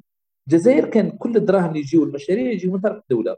مشاريع البناء مشاريع الطرقات مشاريع كلها عبارة عن تمويلات تاع الدولة بالملايير. فتوقفت مؤخرا نقص التمويلات هذه. نقصت التمويلات عاد ما كانش الدولة ما كانش عندها مشاريع. كثير من المقاولين توقفوا. صح. لأنه هو ما عندهمش طرق كيفاش يخلقوا الثروة. هي البلاد الدولة تجي تحط دراهم تقول نبنيو 100000 سكن وبنيو كذا وبنيو كذا وبنيو كذا وتحط الميزانية وتحط الدراهم هما يقاسموا الدراهم هذوك ويخدموا. ويديروا les quatre-quatre ويديروا les Range Rover ويديروا كذا ويديروا كذا. هذوك الدراهم جزء منهم. شوية يبنيو شوية يديو رواح لما راحت هذيك la rente اللي تدخل توقفت الناس كل توقفت la machine. لأنه الوحيد اللي كان يليمونتي la machine هي الدولة هي اللي كانت تضخ تضخ الدراهم ما كانش خلق الثروة من الداخل ناس تحو عندها صناعات تحويلية وناس عندها كذا عندها كذا. ما كانش هذا الشيء هذا هي شيء فالآن كي نرجعوا للموضوع تاعنا تاع تاع الجامعة الجامعة الجزائرية للأسف حولت حولت مع الزمن. الآن نحتاج إحنا البحث إنه نفهم الموضوع هذا بين المختصين في ريفليكسيون مختص وعميق ندخلوا في الموضوع بشكل اعمق يعني الآن نحكي ونقصروا. بس أنا هذا موضوع في حد ذاته نقدر نحطه على في في دائرة التفكير من طرف خبراء مهتمين ويدخلوا يغوصوا فيه. كيف تحولت الجامعة مع الزمن إلى ما هي عليه الآن؟ الجامعة الجزائرية الآن الناس الكل يعرفوا بشهاده الجميع منظمات طلابية في جامعة باتنا عندنا 11 منظمة طلابيه مسيطرين على الجامعة يغلقونها متى شاءوا ويفتحونها متى شاءوا. يعني لما درك ينافسهم كوفيد لا غالب كوفيد العامين هذو ما خلاتهمش بلاصة واش مع ذلك كل نهار مازال يغلقوا لي حتى يوم. مع الكوفيد هذا يقراوا يوم في الشهر يغلقوه هذاك النهار هذاك. من بعد للأسف انه تلقى باللي الناس اللي ترعرعوا في هذاك البيتري ديش كما يقولوا يروحوا من بعد هما راهم يدخلوا الأحزاب. لأنه معظم هذوك المنظمه الطلابيه تابع الأحزاب. حتى ولو ينفوا علاقاتهم. بعد هما اللي تشوفهم بعد واللي تشوفهم في البرلمان وفي المناصب أيوه. ناس كاين فيهم الناس شوف عرفناهم أنا قليل. بصح معظمهم يا ولدي شوف زبير كيفاش كيفاش الدائره تمتد. يعني الأمر راهو راهو متشعب وراهو فيه مستويات تشريد مختلفة. plusieurs niveaux d'abstraction فنحتاج إلى تشريح نحتاج IRM ال IRM كيدير réflexion donc نمشيو en 3D في المستويات الافقيه وفي المستويات العموديه باش تعرف الموضوع شخصه بشكل جيد. وباش نروحوا هذيك الساعة نبدأو نحكيو الحلول كما كان يحكي طه. بعد ما نفهموا بالضبط آه، لماذا هي هكذا الجامعة؟ من وراء هذا الوضع هذا؟ كيفاش تطور هذا الوضع مع الزمن حتى وصل إلى ما وصل إليه؟ هل هذا التطور تطور سيروري هكذا طبيعي؟ يعني فقط مشات في الاتجاه هذا؟ أم انه هذا التطور هذا التدهور في, في, في الأحرى هو تدهور كان وراه ناس أرادوا هذا الشيء. هل كاينة فعلا نيه سيئه للوصول لهذا الشيء ولا فقط؟ صارت هكذاك. كيفاش نقدروا نتخلصوا من الشيء اللي كنا نحكيو عليه تاع deuxième deuxième principe la thermo تعرفوا طه زبير السندروم hollandais تسمعوا به؟ متلازمة الهولندية. لا لا ما نعرفوش. هذا إيه هذا مهم جدا وطبق الجزائر بشكل مباشر. هولندا هي أيضا عندهم الغاز في بحر الشمال في عندهم في خرونينغن وعندهم في البحر. عندهم بلد غازي هولندا. عندهم عندهم gaz naturel كما النرويج وكما فاكتشفوا لا ادري في سنوات القرن العشرين يعني في منتصف القرن العشرين لما بداو يجبدوا الغاز تاعهم وبداو يصدروا بداو la rente pétrolière بدات الريع البترول الغازي هذاك في كل البلاد الإنسان الهولندي طبعا تعرفوا الإنسان الجرماني هذا الألماني الهولندي يعتبر من من أنشط آه، البشر فوق الأرض حسب حسب حسبهم حسب دراساتهم. الرجل الجرماني رجل آه، نشيط جدا يعني إفيسيون. وهذا هو السبب تاع المشكل اللي راه صاير في بلجيكا بين الفلاميين اللي هما هولنديين الشمال وبين الوالونيين اللي راهم في الجنوب. باعتبار أنه الثروه كل تاع الشمال هما اللي داروها. لا علينا هذا قوس. إيه، إيه. فلاحظوا انه أنه الإنسان الهولندي بدأ يفقد هذيك كيفاش نقولوا الفعالية تاعو هذيك الإنتاجية تاعو هذيك إيه، القدرة تاعو تنقص مع الزمن لأنه ولا في دخل مريح جدا وخلاص ما عندش مشكل علاش فأدركوا هذا الموضوع ووقفوه طبعا وصار يدرس في الجامعات باسم ال syndrome hollandais. ال syndrome hollandais. يحكوا عليه تلقاو هذا ال syndrome يحكوا فلكن إحنا عندنا ال syndrome الجيري هذا مستمر في الزمن ما مشكل معاه. إحنا عمرنا ما اعتبرناه syndrome. آه، فاعتبرناه عادي إيه. وعايشين معاه. يطلع البترول نفرحوا تحسن الظروف تحسن كذا ينقص البترول يهبط البترول نعيشوا أزمة وخلاص ورانا عايشين. غدوة يخلص البترول نلقى روحنا. آه، تصور أنت كيفاش راح تكون الجزائر لو ما عندهاش بترول. بلد يعيش 100% من الحياة تاعو على الصادرات تاع البترول والغاز. فكرتني فكرتني كي حكيت أستاذ على ماكش عارف منين جات هل هي مؤامرة ام هي ما نظنش نعم. مؤامرة ينظن فقط فساد عادي. كاين واحد المقولات يسموهم razors بمفهوم ما على الترجمة العربية الدقيقة تاعها ولكن تقدر تقولها هي كاختصار أو حاجة متعارف عليها في الوسط العلمي والله. كل قواعد تاع تفكير. كاين زوج يحضروني. كاين واحد يسموها Occam's razor Occam's razor هذه وش يقول لك؟ entities should not be multiplied beyond necessary. معناها the simplest explanation is usually the best one. دائما أسهل تفسير هو أحسن واحد. معناها يروحش بالك تقول براهم جماعة قاعدين ويتآمروا ويخطوا وكذا. هم ولا لا راه هذا الفساد جات عتفنيين الناس حابة تسرق الناس حابة تدي الشي بلا ما تتعب. فهمني وكاين ثاني واحد ال razor يسموه Hanlon's razor Hanlon's razor يقول لك؟ يقول لك never attribute to malice that which is adequately explained by stupidity. ما تروحش تفسر حاجة بهذه بالمؤامرة وبالحياكه المؤامرات بينما تقدر تفسرها بالغباء. هذه الحالة في تاع الفساد عندنا تاع المنظمة الطلابية. تاع شرح صاري تقول راه الناس قاعدة تخمم. إيه. ما نظنش هذه نظن بلي الناس نابعة عن الناس الغباء والناس حابة كما نقولوا تفسد. وتقضي صوالح شوف آه، آه، أخي زبير كلام صحيح. لكن لما تأخذ الكونتكست mondial يعني يعني انت في النهاية راك جزء من عالم مفتوح. فالجزائر إيه. ماذا تمثل بالنسبة للعالم يعني؟ كيف ينظر إليها العالم؟ ماذا تمثل لهم يعني؟ ما هي أهميتها الاستراتيجية؟ ما هي كذا؟ ما هي كذا؟ وكيفاش يحبوها تكون؟ مرة نسمع المحاضرة ما تعرفوه ولا يعجبني بزاف. أنا محاضر آه، بروفيسور عمر أكتوف. ما نعرفوش عاقب علي الاسم عاقب علي الاسم. آه عمر اكتوف يعجبني بزاف. أنا عمر اكتوف هذا رجل هو قرأ في البداية علوم اجتماعيه وفلسفة وبعد راح management économie وراه في في مونريال هو. ما يعجب لي هو ينقد ال capitalisme هذا اللي اسمه financier هو.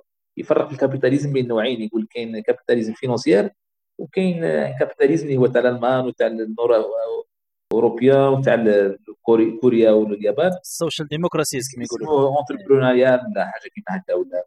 وهذا اسمه financier هو تاع la bourse وتاع ال spéculation حوايج كيما هذا. عمر اكتوف يحكي على les multinationales يقول لي ميلتي ناسيونال فيهم نسبة كبيرة من الناس فيهم رقم ما عطاه كبير 40% تزيد تري الناس ما يقراو ما يديروا ما يقراو ما يكتبوا.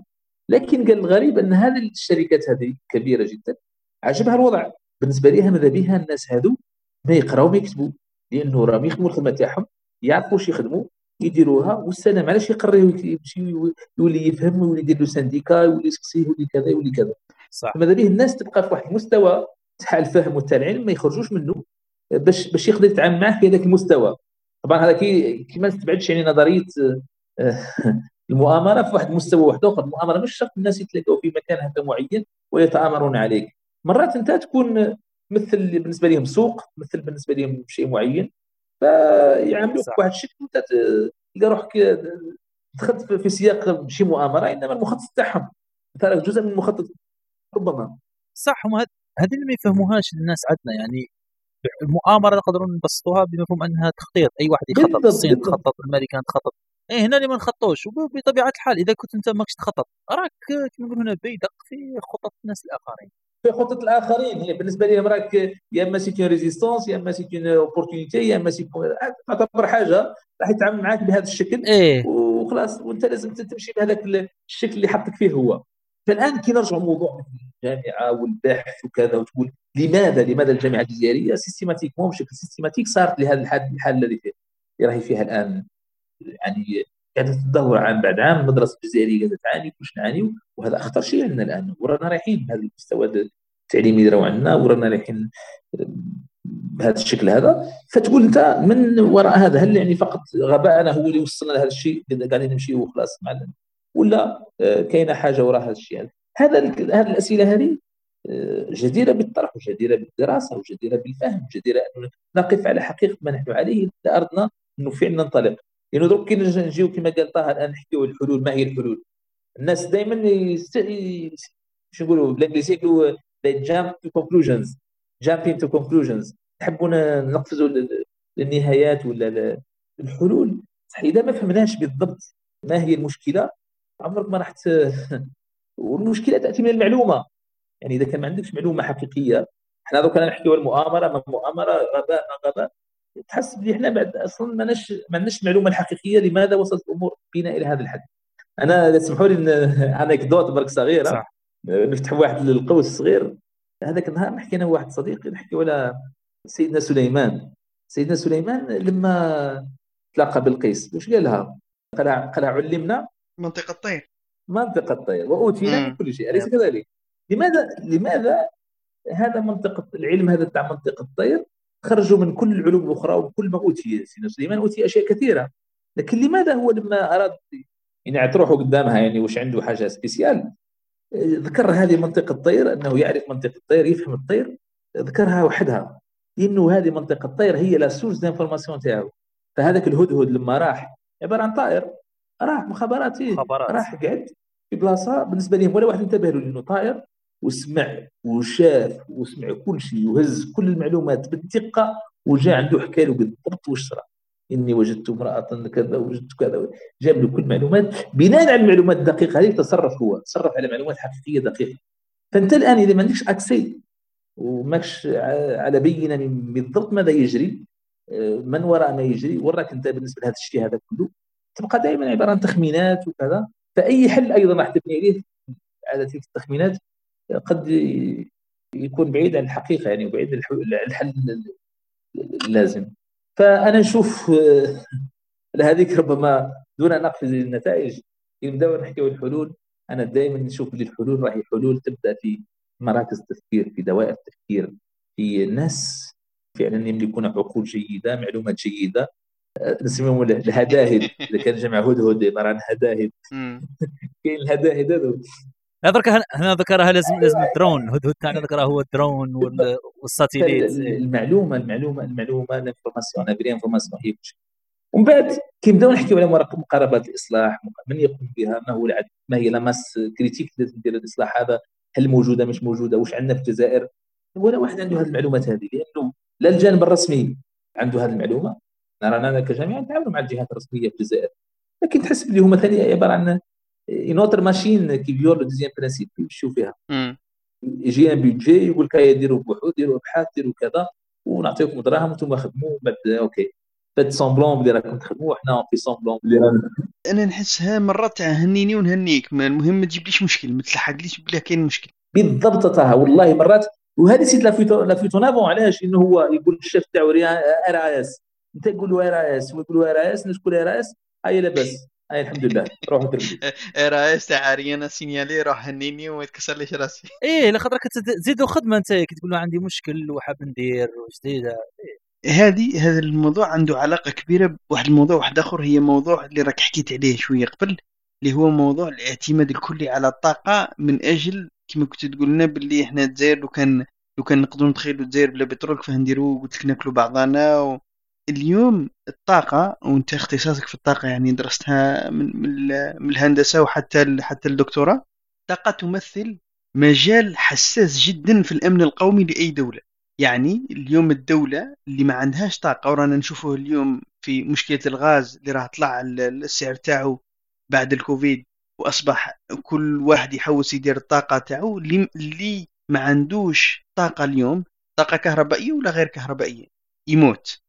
ولكن حنايا نعتمدوا نعم. على الطاقة نبيعوا فيها باه نعيشوا ما نشوفوا فيها كمخزون نقدر نقولوا قومي لازم نعيشوا به ولازم نحافظوا عليه لأنه بلا بها رانا راح نحصلوا من بعد لأنه عدد السكان في العالم راح يزيد راهم يقولوا باللي في من 2050 راح نكونوا 10 ملاير 10 ملاير وال10 ملاير هذه مخزون الطاقة اللي راح عندنا اليوم ما يكفيناش ولازم نديروا فيها استثمارات وحنا رانا نصدروا فيها نعم. ونقولوا باللي خير ربي كاين كسر خير ربي يعني على كل حال ماهيش خدمتنا. اكتشفوه اللي قبلنا اللي استعمرونا وحنا جينا نعم. درنا استغليناه. وبعدها رانا اليوم نبيعوا فيه باه نعيشوا كيفاش اليوم الجزائر تقدر تخرج من الطاقة كما كنت حكيت لنا على هولندا وممكن كان مثال النرويج؟ طاقة من أجل العيش إلى الطاقة كمخزون قومي نعتمد عليه ممكن جزئيا في أن يكون عندنا مدخول ولكن نشوف فيه وكأنه أمن قومي لازم نستحفظوا عليه ما لازمش نبذروه لأنه اليوم رانا نديروا في توليد الكهرباء نولدوا فيها بالغاز. الغاز نبيعوا فيه أكو اللي اللي كنا ما كناش على بالنا بها كنا مرات نمدوا لدول الغاز باطل نمدوه لهم هاكم هدية. نعم. آه، وما نمشي فيها كيما هاك؟ ونظن بلي هي سياسة الدولة كما كنا نقولوا سياسة الدولة أنه نعيشوا سكتني وهنيني ونهنيك والشعب كاع ساكت. شوف اولا أنا دائما نقول لهم بلي حرق الميثان غاز الميثان اللي هو الغاز naturel اللي عندنا إحنا أنا دائما نشبه واحد التشبيه هكذا تشبيه بليغ كما يقولوا تاع العربية تاع البلاغة. هو أنه أنا نسميه اللي يحرق الغاز باش يدير ينتج الكهرباء. كما اللي عنده هذاك النوع تاع الخشب الجيد هذاك الاثر هذاك ولا يديروا به الماء المليح هذاك. فيحرق هذاك إيه. الخشب باش باش يسخن ولا باش يطيب الماء. يعني إيه. أحسن أنواع الخشب. ولا ولا الباب تاعو يهز الخزانة تاعو يهز الآخر تاع الباب تاعها يكسروا ويشعل فيه النار ويطيب عليه النار. يطيب عليه الماكلة ولا يسخن عليه. تراه نفس الشيء. لماذا؟ لأنه غاز الميثان هو غاز ثمين جدا هو لأنه أنظف أنواع الغاز في كربون واحد. فهو انواع أنظف أنواع الطاقة. إضافة أنه الغاز هذا نقدروا نستعملوه في ال pétrochimie في الصناعات الكيميائية التحويلية البلاستيك الأمور هذه. اللي هي أيضا كثير من الناس لما يحكيوا على ال développement durable هذا التنمية المستدامة دائما يحكيوا فقط على الغاز والبترول. ينساو أيضا مشتقاتهم. كي تحكي انت على كل مشتقات البترول اللي عايشين بها إحنا هذه الأمور البلاستيك البلاستيك اللي راهو يحيى من كل مكان. هذا بترول أيضا وهذا أيضا راهو غاز. صح. وهذا أيضا مش مش مستدام. الناس ينساو هذا الجانب. صح. فالصناعات التحويليه تاع تحويله إلى إلى مواد كيميائية تحويله إلى إلى بلاستيك تحويله إلى matériaux راهو أثمن من إنك تحرقه تحرقه طبعا إحنا les turbines à gaz الآن الأحسن les turbines à gaz اللي عندنا اذا كان combiné يعني hybride فيه à vapeur à gaz وصلوا ل 50 50% في الجزائر كثير من المحطات عندنا في الجزائر عبارة عن محطات بدون ماهيش combinées ما فيهاش استرجاع الطاقه من les cheminées تاع les turbines à gaz. باش نستعملوهم في turbine à vapeur هو عبارة عن استعمال آه، فقط في turbine à gaz en cycle simple نسميوه اللي هو المردود تاعو في حدود 24% يعني 75% 76% من الغاز تاعك ترمي فيه في الفضاء والباقي تحرقه. فهذا جانب رقم واحد. رقم اثنين أنا أقول لهم دائما باللي لما يقول لك باللي لقد ارتفعت صادرات الجزائر من إلى قلت له هذا ماهيش good news كما يقولوا بالإنجليزية. هذه راهي bad news إيه بعض الناس يقول لك رفعنا كنا مليون صرنا مليون ونص. يعني هذه شيء جيد. هذا راه شيء محزن لأنه بروفيسور شيتور اللي كان تسمعوا به تاع بوليتكنيك يقول le sous-sol c'est la meilleure banque صح. الأرض هي أحسن بنك تقدر تحط فيها الموارد تاعك انت كي تهزها وتبيعها ومن بعد تشري بها لي كوردون راهي خسارة غير عادية للاقتصاد تاعك اثنين النقطة الأخرى المهمة جدا في هذا المجال هو أنه كما قلت أنت كما قدمت طه هذا الثروة هذه اللي ماهيش ماهيش ماهيش ماهيش دائمة الآن نحكي على 20 سنة 25 سنة تنتهي. يعني الآن كثير من الآبار في الجزائر راهي انتهت. الضغط في في في حاسي رمل oui اللي عندنا أكبر مخزون تاع تاع الغاز راه هبط هبوط كبير جدا الضغط تاع الآبار تاعنا. فهي محدودة يعني في النهاية ما هو موجود راهو بسيط جدا. وراجعوا واحد الفيديو راه موجود في اليوتيوب لمن أراد داروا الوزير السابق. هذا عنده عنده مقابلة رائعة جدا راهي في اليوتيوب مع هذيك سهيلة الهاشمي هذاك l'invité de la rédaction. وهذا جات في بداية 2020 طبعا كانت الحالة مفتوحة الناس كانت حوايج كانوا يتحفظ منها يحكي عليها يحكي عن المخزون الجزائري بالضبط. يقول لك حنا رانا في مرحلة la récupération يعني مش مرحلة الإنتاج هذاك أنا فقط أوني في récupérer شوية منا شوية منا شوية منا ونبيعوه باش نقدروا ناكلوا ونشربوا. يعني الناس دائما آمنت إنه قال لك البترول هذا لا ينتهي قال لهم قالوا لنا بكري 20 سنة وعندها 30 سنة قالوا لنا 20 سنة. كأنه كعاد قالوا بكري 20 سنة وما ما صراتش معناها حتى المستقبل هكذاك. راهو إليميتي راهو الابد وهذا خطأ هذا الأرض كلها راهي محدوده يعني سامولين فيني. آه، فلا يمكن أن نذهب مهما كانت راح يستنفذ ما فيها من مخزون فهذا المخزون الآن اللي راهو مؤكد في حدود 20 سنة 25 سنة نسيت إلى 2030 يعني 2035 خلاص وتنتهي القصة تاع البترول. وانت ماكش مهيئ لما بعد البترول تماما. هنا سي طه نرجع للفكرة تاعك اللي هي المفروض هذه الطاقة. نعم نستهلك منها شيء نقدروا لازم نستهلكوه ها؟ نصدروا شوية باش نعيشوا لكن نبنيو بها اقتصاد غير بترولي. ما دام عندك هذه الفلوس هذو الآن راه عندك قدام في يدك. بدل ما تشري بهم البنان وتشري بهم ال cure-dents وتشري بهم أشياء n'importe quoi ها؟ cure-dents يجينا من la Chine باليورو ونص يروح في جيوب المنتفعين ونص يروح للناس اللي يبعثوه لنا. فبدل ما تشري أشياء مثل هذه يا سيدي ال cure-dents ما ديرش cure-dents دير حاجة أخرى. وهذا المال هذا استثمر استثمر في الدراسة في البحث عندك استثمر ابني جامعة حقيقية ابني مدرسة حقيقية ابني مصنع حقيقيا حول ديال الصناعة التحويلية. la richesse ثروه تخلق من من الصناعات التحويلية الحقيقية. يستثمر في الزراعة دير زراعة حقيقية عندك يستثمر في عندك مياه في الصحراء تسقي كل الجزائر استثمر استثمر هذه الاستثمارات اللي هي دائمة مستدامة وما هيش بتروليه هي الثروة الحقيقية اللي تعتمد عليها في المستقبل. واستثمر في الطاقة الشمسية استثمر في الطاقات البديلة. فالمفروض هذه هذه هي الفيزيون لكن الآن المشكل اللي عندنا هو أنه من وضع يده على الثروة كما صارت في عهد ما يسمى بال اعطوها اسم البحبوحة. البحبوحة إيه البحبوحة. 1000 مليار 1000 مليار آه، فرزعناها شذر مذر وانتهت وراحت. 1000 مليار افريقيا كامل تبنيها راحت. فنفس الشيء عندنا عقلية كان عندنا جار يعني عفوا على هذا المثال هذا نسوقوه هنا لكن معليش أنا في قصرة يعني بحيث يسمحوا لنا السادة المشاهدين. كان في واحد الفترة منذ سنوات طويلة يعني كان عندنا واحد الجار. هذا الجار هذا فقير مسكين. عنده بنته صغيرة تشفى لها كل مساء تبعثها معها عند الوالدة تاعي تقول لها أعطي لي حاجة باش ناكلوا ولا باش نطيبوا ولا. ومرات يفتح عليه ربي سبحانه يلقى شغل يخدموه ناس يروح يخدم يدخل شوية فلوس دراهم هذيك العشية هذيك الدراهم اللي جابهم الحب في كولا الحلوة الطفله هذيك العشية تاكل في كل أنواع الشيكولا الحلوة. الغدوة هذيك يعاود يبعث الطفلة هذيك يقول لها شوفي يعطينا يعطيونا شوية باش نديروا العشاء. سمحوا لي على هذا المثال هذا لكن فقط تكون فيلغاريزي كما يقولوا فاحنا للأسف جاونا دراهم بهذا الأخر صرفناهم كولا صح. كلينا كل أنواع الشيكولات والبنان والأخر ومن بعد خلصوا رحنا ما كانش باش نخلصوا العمال ما كانش فالحكيم أو الكيس هو الانسان يستعمل هذا الثروه اللي راهي عنده باش نبنيو هذاك المستقبل اللي ما عندوش علاقة بالطاقة. الآن هنا أستاذ زبير لما حكى عن المؤامرة ما مؤامرة؟ وراه المجال تاع الحركة اللي عندنا هنا ما هي الاتفاقيات اللي راهي تحكم الجزائر اللي راهي تخنقها؟ وراه كاين بزاف أشياء ما عرفوهاش حنا. علاش الأمور تسير بهذا الشكل هذا؟ كاين دول راهي مسلوبة الحرية يعني باش تتصرف كما شاءت تعمل كما شاءت هذه مفهوم إيه. منها هي لا حاب حاب نقول لك بلي كاين كما قلت قبيلة كاين des niveaux d'abstraction كاين المستوى المايكرو ونجو طالعين. درك بالضبط. تقول لي درك منظمه طلابية مؤامرة. معناها والله يقول لي وين اللي يسرق فيا وين اللي يضر فيا وين اللي يجلس فيا برا. ها بن جيراني وبن مدينتي. المستوى ال macro والكبير راني معاك. يعني اللعب يولي كما نقولوا اللعب يولي يخشان كما يقولوا. تولي اللاعبين كبار وتول.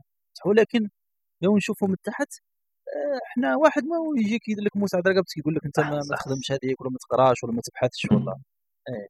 وأنا زبير هنا أنا نحب هنا نعرج على واحد أنتم électronicien وتخدم في informatique أنا دائما تعجب لي واحد l'idée تاع les bandes passantes la bande la bande passante مثلا ولا les bandes تاع راديو راديو ولا حاجة. إيه. في l'émission كي ميتي تيميتيو كي ميتيو في la radio كاين toujours كاين deux signaux. كاين un signal اللي فيه ال signal الحقيقي اللي حبيت تسمعه وكاين signal اسمه porteur ولا حاجة كيما هكا. صحوا لي إذا كان هذا هو يشغل واحد واحد حامل signal يحمل شي bande تحمل هذاك ال signal ومن بعد السينيال اللي راهو راح تسمعوا أنت مثلا الصوت اللي راح تسمعوه راهو في النص. على راديو ولا حاجة. لما يوصل يوصل la réception هي واش يدير؟ هذاك le récepteur واش يدير؟ ينحي هذاك ال signal porteur ويعاود يفيلتري الآخر ويخليك تسمع تسمع فقط ال signal اللي لازم تسمعه أنا نقول لهم دائما باللي في العالم هذا كاين كاين أنساق كاين des bandes passantes كبار هما يوريونتي يوريونتيك واحد اتجاهات معينة هكا. أنت لازم تكون توصل لمستوى وين تقدر تدرك هذا هذا les orientations يسموهم زبير macro orientations هذو. c'était bande passante vraiment كبيرة لدرجة ما تشوفش الحدود تاعها. وهي توريونتي في اتجاه معين دون أن تدري. فالذكاء تاعك هو إدراك هذا المستوى وراه فعلا الدنيا كيفاش تمشي. لا أدري قريت كتاب آه، مشهور اللي هو صدام الحضارات تاع سامويل هيتينغتون ولا ها؟ ما خريتوش لا.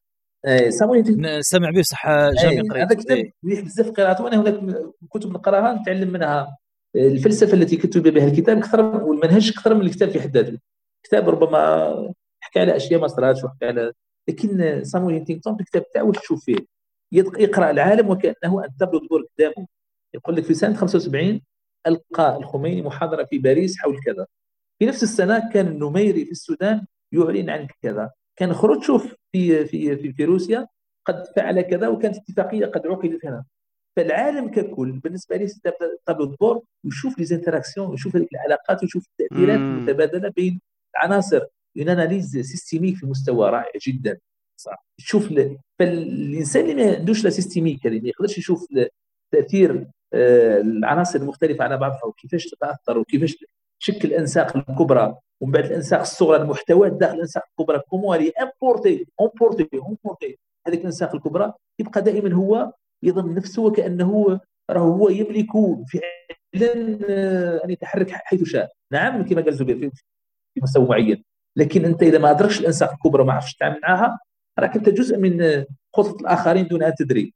أنا نسميها دائما عبارة عن آه، سفينة كبيرة جدا الظهر تاعها كبير جدا. وماشي في اتجاه معين وانت آه، تقول أها أنا راح نبدلها الاتجاه نمشي اللور انت راك فوق ظهر السفينة. وتقول أها نمشي عكس الاتجاه نروح هكا نروح شمالا هي رايحة جنوبا نروح شمالا. لكن تنسى في النهاية راك محمول فوق تلك السفينة.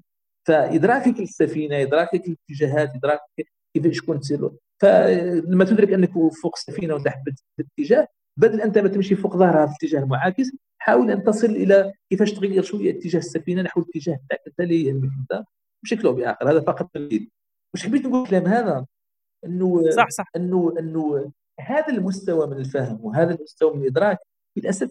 راح نرجع لها ربما أكيد لازم نحكي عليها في النهاية. هو هذا. هو انك تكون عندك مراكز كثير مراكز لل think tanks اللي vraiment يقدروا يوصلوا لهذا المستوى من التحليل ومن المعلومه من كذا بحيث يحطك في الحقيقة يعطيك الحقيقة يخليها عالية أمامك. ويتخذ ياخذ الحلول ولا الاتجاهات ولا الاشواء اللي فعلا آه، ينبثقوا على هذاك التحليل الواضح والفهم العميق. نرجع ربما باش ما نروحوش بزاف لل abstraction الموضوع تاع الطاقة اللي طرحوا طرحوا أخي طه. قال أنه الطاقة مجال حساس للأمن القومي. أنا نقول باللي في المستقبل إذا عندك طاقة وما عندكش آه، قدرة أنك تحمي روحك من هذه الثروة الطاقوية اللي عندك قد تولي أنت تولي في خطر عظيم. كما دول أخرى صارت في الشرق الأوسط. صح. أنت عندك كنز عندك بترول عندك غاز وأنت دولة ضعيفة. ما المانع من القوى العظمى يجي في لحظة يقول لك هيا هيا ديجاج. ما المانع مش قادر دير أنت. لا شيء. تقدرش تحمي روحك حتى تحمي هذيك الطاقة هذه فتشوف اللي أنت حتى إذا كان عندك ثروة يجب أن تكون في مستوى هذيك الثروة هذه يعني عندك دراهم وعندك فلوس وعندك أموال وعندك كذا لازم حراس لازم أسلحة لازم شكون مثلا في دارك. ما تروحش تحط تحط دراهم في قدام الباب وتقول إن شاء الله ما يصير ولا شيء. فهذه الطاقة هذه بقدر ما هي أيضا عبارة عن شيء مخزون استراتيجي بالنسبة لنا بقدر ما لازم نكونوا إحنا أيضا في مستوى حماية هذه الطاقة هذه. وهنا نرجع لمستوى آخر un autre niveau d'abstraction اللي ربما ماهوش موضوع الحلقة تاعنا هنا. إحنا كأمة تصور إحنا ك- كأمة كمجتمع مسلم تصور أنا وحدة حقيقية مغرب عربي حقيقي موحد أمة عربية كاملة ولا أمة إسلامية. ككتلة كبيرة جدا في مواجهة الغرب في مواجهة الآخر يعني أي آخر. أكيد واحد ما يقرب ليك واحد ما يقدم ليك. لكن إحنا مازال يخدموا معنا مع تفتيت المفتت وتقسيم المقسم كل دولة يقسموها هذا أربعة ولا خمسة. الآن يقول لك أي تجمع بشري أقل من 300 مليون من ناحية الجيو استراتيجي ما عنده حتى قيمة في المجتمع المجتمع العالمي يعني لا قيمة له. إيه ما يقدرش يحرك إيه إيه. يجيب لك بلد مثل مثل تونس في 10 ملايين واحد. بعد يقول لك استقبل وزير الخارجية التونسي نظيره نظيره الصيني. مش من نظير هذا. لازم نعاودوا في الرياضيات أنا نعرف. الحقيقة مش تونس بركة والله والله هنا أبك هنا الحركة تاعنا تاع الشعوب تاعنا أعطيك مثال بالمجال تاعك. الحركة تاعنا براونيان.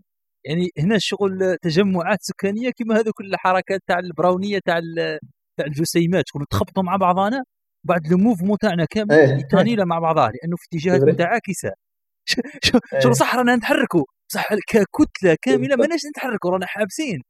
يعني لازم لك تشوف دولة كيما الصين مثال هناك حكيت قبيلة على قضية تاع انه لازم لك الناس الفوق اللي تخطط ودير لازم. لأنه حتى أنت لو أنا يا أنا كذرة بار نشوف روحي أنا الحركة تاعي داخل هذاك السائل ولا براونين. بعد فوقي. راني بالك أنا ذرة في خلية. مانيش عارف باللي كاين إنسان وكان حيوان وكان كوكب وبعد لو أنا أكبر من هذاك تولي خليه في وسط نقولوا هنا آه، هكذا نعم. organisme صغير. بعد ذاك ال organisme راهو في في عضو ولا نقولوا هنا تاع بشري الكليه ولا كبدة. بعد فوقها الكبدة مش عارفه روحها باللي راهي مش عارفه بعد إنسان بعد أنت إنسان. وراك إنسان في المجتمع في المدينة ولا ما باليش ال organization كيف؟ بعد المدينة بعد الدولة بعد الدولة الأرض بعد الأرض راك راها في مجموعة شمسية المجموعه الشمسيه في في neighborhood كما يقولوا. بعد تطلع المجرة والمجرة في ال super cluster وحتى نلحقوا ال niveau تاع abstraction كبير. بصح ويناه هذا اللي راه يخطط باش يخلي الحركة هذه البراونية تاع البني آدم داخل المجتمع؟ خليها في اتجاه برضو كما الصين لو ناخذ مثال حكيت ثاني قضية ال data ولا. الصين كانت ذكية من الأول عارفة باللي الدولة اللي ما تملكش البيانات تاعها وتاع شعبها ما عندها ولا سيادة. كل ما عندهاش سيادة على الثروة تاعها. نحت فيسبوك نحت جوجل دارت هي كل شيء ولكن المشكل أنه هنا في الدول تاعنا لما يسكروا الصوالح ما يعطوش البديل. نعم. لما ما تعطيش البديل راك شو السيل جارف جايك تسونامي آه نعم لو نعم. ماكش موجد البديل؟ يديك. تعيا تقول لهم يبداوا يقولوا منا والفيسبوك وكذا. ولكن لا غالب تشوفوا في تنياس راه جينا من الفيسبوك. هنا كمجتمعات تاعنا ولا كحكومات هل داروا البديل؟ ما داروش. تتسكر له الفيسبوك وتسكر له الواتساب وكذا. يروح يدير لك حوايج أخرى اللي تضر المهم هذا موضوع يطول ويتشعب. السؤال اللي قادم هو الاعتماد على الغاز هنا الجزائر تعتمد ياسر على الغاز في توليد الطاقة الكهربائية. هل التوجه تاعنا للطاقات البديله خاصة أنه عندنا الشمسية وكذا حتى المنوان قادرين نلحقوا أن نعوضوا الغاز؟ أو على الأقل أنا على بالي باللي كاين عدة محطات ورانا تكلمنا فيها مع الضيف السابق الاستاذ ياسين بولفريد اللي هو باحث مروج في الطاقات المتجدده كاين شوية على المواضيع بالي باللي كاين محطات ياسر في الجزائر تعتمد على الطاقه الشمسيه ولكنها مش ال photovoltaïque ال thermique الحرارية.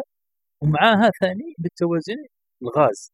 الجزائر وين إلى أي درجة وين قادرين نستغنيو على الغاز ونروحوا في الطاقات المتجدده يعني نخليو الغاز كما حكيت بلح يخلوك احتياطي استراتيجي. ممكن نعم هذا السؤال مهم جدا جدا. على المستوى العالمي مهم مش فقط في الجزائر لأنه اسمه la substitution يعني how to substitute fossil fuels with renewables في العالم الآن في أوروبا الآن في كل مرة يديروا هدف لكن دائما عندنا مشكلة. الآن هم يحكيوا على هدف تاع 10% 12% يعني الأهداف راهي toujours في حدود تاع 10% علاش؟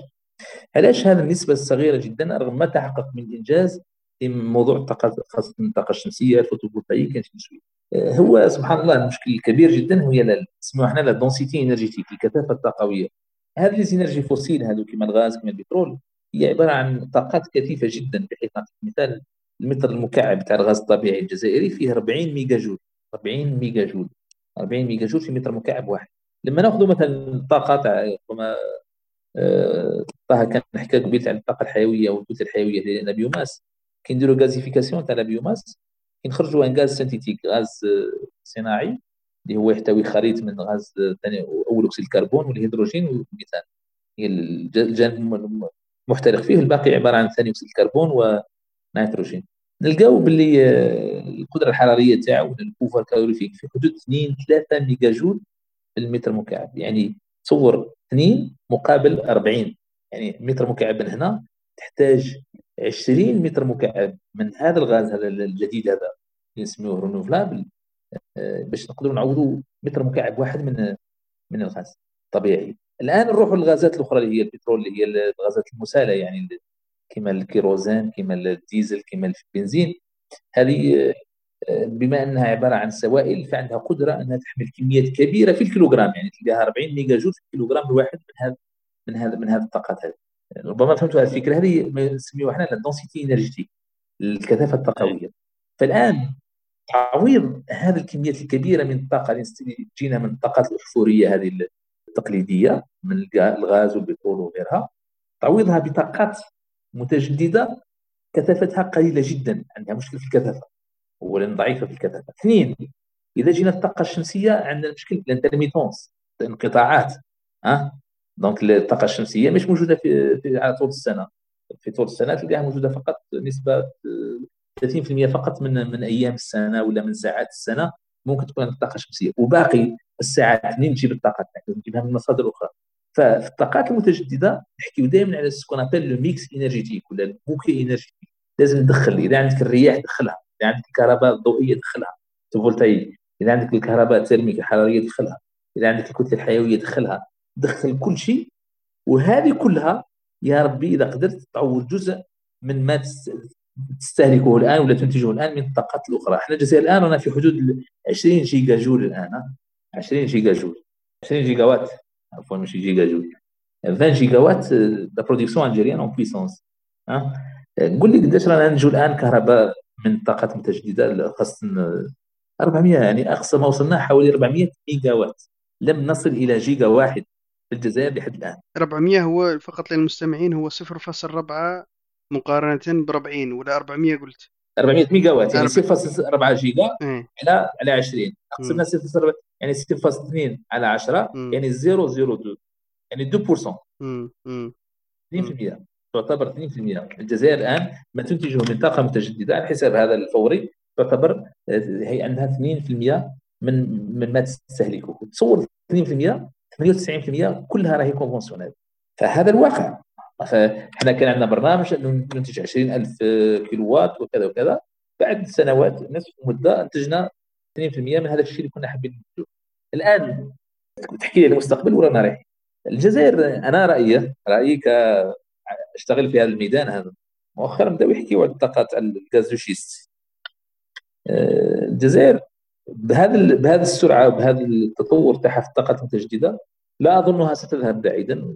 إن شاء الله يكون غلط لكن راح تستثمر أكثر في الغاز في الغازات الغير تقليديه اللي هي ال gaz de schiste الان راهم يحكيوا على أنه عندنا مخزون من الغاز الصخري يوصل حتى ل 150 سنة. فإذا تأكدت هذه المخزونات هذه طبعا هذه المخزونات أظن هي دراسات أمريكية مش تاعنا فراح يروحوا وبأي ثمن. لماذا؟ لأنه ال gaz de schiste راح يضمن الاستمرار في نفس ما نحن عليه الآن. يكمل هذاك ال deuxième principe la thermodynamique نبقاو نجوري فيه بنفس الطريقة ماشي هذيك perpétuelle تبقى تمشي عليك ال gaz de schiste donc كاينة اراده معينة إنه لأنه الحياة سوف تتوقف إذا وقف البترول الآن وما عندناش طاقة بديلة أخرى. راح نقولوا إحنا باللي دولة مثل تشاد ولا مالي ولا حاجة كيما هكا للأسف الإنسان لازم يكون واقعي. فأنا الذي أخشاه هو أنه ماشيين في الاتجاه أنا الذي اخشاه أخشاه حسب ما اراه أنا يعني راني موجود في الميدان التطور في الطاقات المتجدده ما كاينش هذاك التطوير الفعلي الحقيقي يعني تشوف اللي كاين حاجة vraiment قادره تعوض هذه الطاقات هذه الأخرى. كاين استثمار كبير الجزائر استثمرت مؤخرا في الغاز لمعلوماتكم يعني. قبل 10 سنوات كنا عندنا حوالي 10 10 gigawatt الآن رانا في تقريبا 20 gigawatt يعني تقريبا مضاعفة لإنتاج الكهرباء في الجزائر وكله كله من الغاز. الآن هل هذا النمط الحالي تاع الطاقات المتجدده يستطيع أن يعوض هذه الكميات الهائلة من الطاقات الاحفوريه لا يمكن. حتى في العالم يعني ككل الناس مقتنعين الآن أنه عندما تنتهي الطاقات الاحفوريه هذه التقليدية مستوى الكونفور اللي راه وصل له العالم لازم لازم ينزل. يعني لازم ننزلوا من المستوى اللي رانا فيه الآن. لأنه إحنا الآن رانا زينرجيفور كما يقولوا رانا نستهلك كمية طاقة كبيرة جدا من أجل أن نعيش في هذه البحبوحه وهذا الراحه وهنا راح ندير لكم مرابط صغير جدا في الموضوع تاع l'entropie deuxième principe l'énergie تعتبر وحدة من الوسائل اللي نستعملوها نستعملها العالم باش يهبط l'entropie. طاقة كي نصرفوا طاقة بزاف المجتمعات هذيك تهبط l'entropie تاعها. علاش؟ كما الفلوس تعرف تسمع قلت اعطاء الأموال في الجزائر من أجل شراء السلم الاجتماعي. السلم الاجتماعي في النهاية كي نحكيوها thermodynamiquement c'est réduction d'entropie عباره عن تخفيض l'entropie لما تنخفض l'entropie donc c'est un ordre en place لأنه l'entropie هو يقيس le désordre يقيس يقيس le désordre كل ما تنفق أكثر على هذيك ال système تعطيه طاقه أكثر تعطيه الان في اوروبا هناك انفاق كبير جدا للطاقه للمال لكذا تلقى مجتمع entropiquement هابط l'entropie تاعو هابطه لاحظتوا كل ما تروح للشمال الاوروبي ثاني تهبط الانتروبي أكثر صح صح صح كاين استقرار كل ما تهبط الجنوب كل ما تهبط الجنوب تزيد الانتروبي لأنه تزيد الفوضى تزيد كذا ما كانش جيب هذيك الأموال اللي تصرفها في فرنسا تصرفها على الجزائر قال حنا لاباس علينا أوليو كاد نسوق نسوق بلاع بونجور مسيو سافا صح صح. أنا أنا نقولها لهم نقول لهم كاين كاين واحد الدرجة هنا ساعات كاينين بعض الناس اللي يدخلوا في جلد الذات البر وخير منا وكذا. هي والو هو القاوري في حياته اليومية بالك ملي كبر ما يلقاش روحه في في يعني situation وين قادر يتوج أنا نسميه التوحش. نعم. كما كاين هذاك المثلث اسمه الهرم تاع ماسلو يبدا لك من تحت في الحاجات الإنسان ويجي نعم. طالع لفوق. أنا كاين ياسر عندنا هنا في المجتمعات العالم الثالث ما همش حتى في الصفر راهم في الناقص واحد راهم في التوحش. قبل ما يكون عنده ال besoin هذاك basique. لأنه الانسان هذاك مضروب في خبزته مضروب في الأمن تاعو مضروب في ال basic need تاعو. أنا شفتها مثال هنا في في فرنسا. ساعات ذاك الوقت كنت كنجي في الخدمه نجي في القطار يما لا يحبس يعود بعيد ملك يحبس يديرون هذوك هذوك الحافلات يجيبوه باش نعم. في محطه واحدة أخرى والله العظيم تشوفوا بال costume وكذا ينقز من الشباك كما كاين واحد التصاوير إيه. يضحكوا على ذوك الحافلات نقل طلبة عندنا في الجزائر ذاك تاع يوروك ينقز هكذاك راجل كبير بال costume ومتحوف وينقز من الشباك وذاك يتطبع في هذاك لأنهم علاه طاحوا في موقف نعم. طاق على أخوه طاق على منطقه يلقى روحه باللي كل ما يدزش وكذا ما يركبش. نفس الشيء. إيه. لأنه سابقا كان كلش متوفر كلش سهل يجي يلقى البيس قدامه فارغ في أربعة من الناس يركب يهز الجريدة تاعو ويريح يدير. حتى يقول له next إيه. station هي كذا يجي نازل. صحيت. رانا شفناها في الكوفيد نهار ضرب الكوفيد وحبست عليهم. ولات الناس متكاتلة على الورق تاع المرحاض حاشاك. يعني لما تشوف الناس الدبزة تاكل هنا في فرنسا ثاني المقارون. إيه. مدبزه على المقارون في ال supermarché. حاسبين القيام قامت عليهم يولي لا اسمع l'entropie اسمع l'entropie تطلع تطلع للسماء. تطلع للسماء إيه إيه. أنا بالي الوحيدين اللي شفتهم في حالة أزمة متربين هم اليابانيين. آه، ذيك نهار نهار ضربت ذاك تاع فوكوياما. نهار ضرب ضربهم التسونامي واحد اللقطة أنا أثرت فيا. شفت كاميو يهبط في الماء. قرع الماء جايبينهم للناس مضرورين يعطوهم الناس دايرين منظمين واحد ورا واحد كل واحد يدي قرعة ويروح. ما يديش فاردو تاع سته ولا ما على باليش يهرب لهم. لأنه عدوا اليابانيين هذا بالي اليابانيين فايتين الشعوب الأخرى في هذه إنه يثق في الياباني الآخر باللي انه إيه، راهو نفس عنده نفس نقولوا صح صح. الديسيبلين. الشعوب الأخرى لا لا. يقول لك يا خويا تبكي مو تبكي شما. أنا ندي ضمني من بعد. أستاذ نور يمكن عندي سؤال فيما يخص الغاز الصخري. من من الناحية البيئية هل يمكن الاعتماد عليه؟ لأنه كان المستمعين تاعنا كنا حكينا مع أستاذ بالقاسم طحشي اللي دار الدكتوراه تاعو على, على نقدر نقولوا التحدي الجيوسياسي تاع الغاز الصخري في الجزائر لأنه سنة تراك بديت الله أعلم في 2015 2016 وتحدثنا على ما قد يضر بالبيئة. عندنا مخزون لا بأس به فهل يمكن الاعتماد عليه ولا لكن نخلوه للضرورة القصوى؟ أنا شوف رأيي في هذا الموضوع تاع مره درت présentation عن الموضوع تاع الغاز الصخري بالضبط لا أدري ربما اللي يسمعونا نعطيو فكرة سريعة على ما هو الغاز الصخري؟ ما هو اي ما هو مش الغاز الصخري؟ ما هو؟ هو الغاز الصخري هو نفسه الغاز الطبيعي الحالي هو غاز عادي غاز أغلبه ميثان يعني عبارة عن ميثان. لكن هذا الغاز يختلف على الغاز الحالي بأنه موجود في في صخر. لذلك يسمى الغاز الصخري. بالمناسبة أيضا هناك البترول الصخري يعني اسمه الزيت الصخري. يعني بلد مثل الأردن عندهم زيت صخري أيضا. هذه الصخور هذه باش نحروا هذا الغاز هذا الميثان هذا غاز ميثان نحرروه من هذه الصخور نحتاجوا نكسروا هذيك هذيك هذيك هذيك الصخور. وهذه المشكلة اولا هذا المشكلة الأولى ثانيا موجودة على عمق كبير جدا بحيث نخترقوا ؟لابيان نخترقوا المخزون تاع الماء. يعني البير تاعنا كي ينزل ينزل يمر على الماء. البير تاعنا يمر. الآن المشكل ما هو هو أنه باش نكسروا هذيك الصخور هذيك نحتاج واحد المواد كيميائيه حوالي 100 additif كيميائي كلها سامة باش نقدروا نكسروا نفراكتوريو هذيك هذيك الصخرة باش نحرروا هذاك الغاز فندفعوا كميات هائلة من الماء نحطوا فيها هذه ال additifs هذه المواد الإضافية أو المضافات الكيميائية هذه فتاكة اللي راح تكسر la roche الصخره وندفعوها ب يعني des pressions ضغوط توصل حوالي 200 بار؟ هذا الماء هذا بهذه المواد الكيميائية توصل لحوالي 200 بار تهبط في هذا البئر. لما تهبط تكسر هذه لاروش هذه ويطلع ويطلع الغاز ما هو المشكل؟ بغض النظر عن المشكل تاع الجدوى الاقتصادية اللي هي مشكلة مشكلة اقتصادية بحتة يعني. أكبر مشكل يعاني منه الغاز الصخري هو الجدوى الاقتصادية لأنه مكلف جدا في استخراج الغاز وما يقدرش ينافس الغاز التقليدي الآخر. في السوق بالمستوى هذا. إلا إذا طلعت الأسعار. لما تطلع الأسعار تاعو يولي يقدر ينافس. المشكل إنه لو تصرى فراكتور في منطقة معينة وبهذه الضغوط هذه يعني احتمال كبير إنه يصرى فيها des ruptures ولا يصرى فيها حتى des fuites يعني في مستويات معينة في كي تعود تفوت الالبيان تاع الماء هذه المواد السامه هذه راح تلوث لك كل هذيك الكميات الهائلة اللي عندك تاع الماء.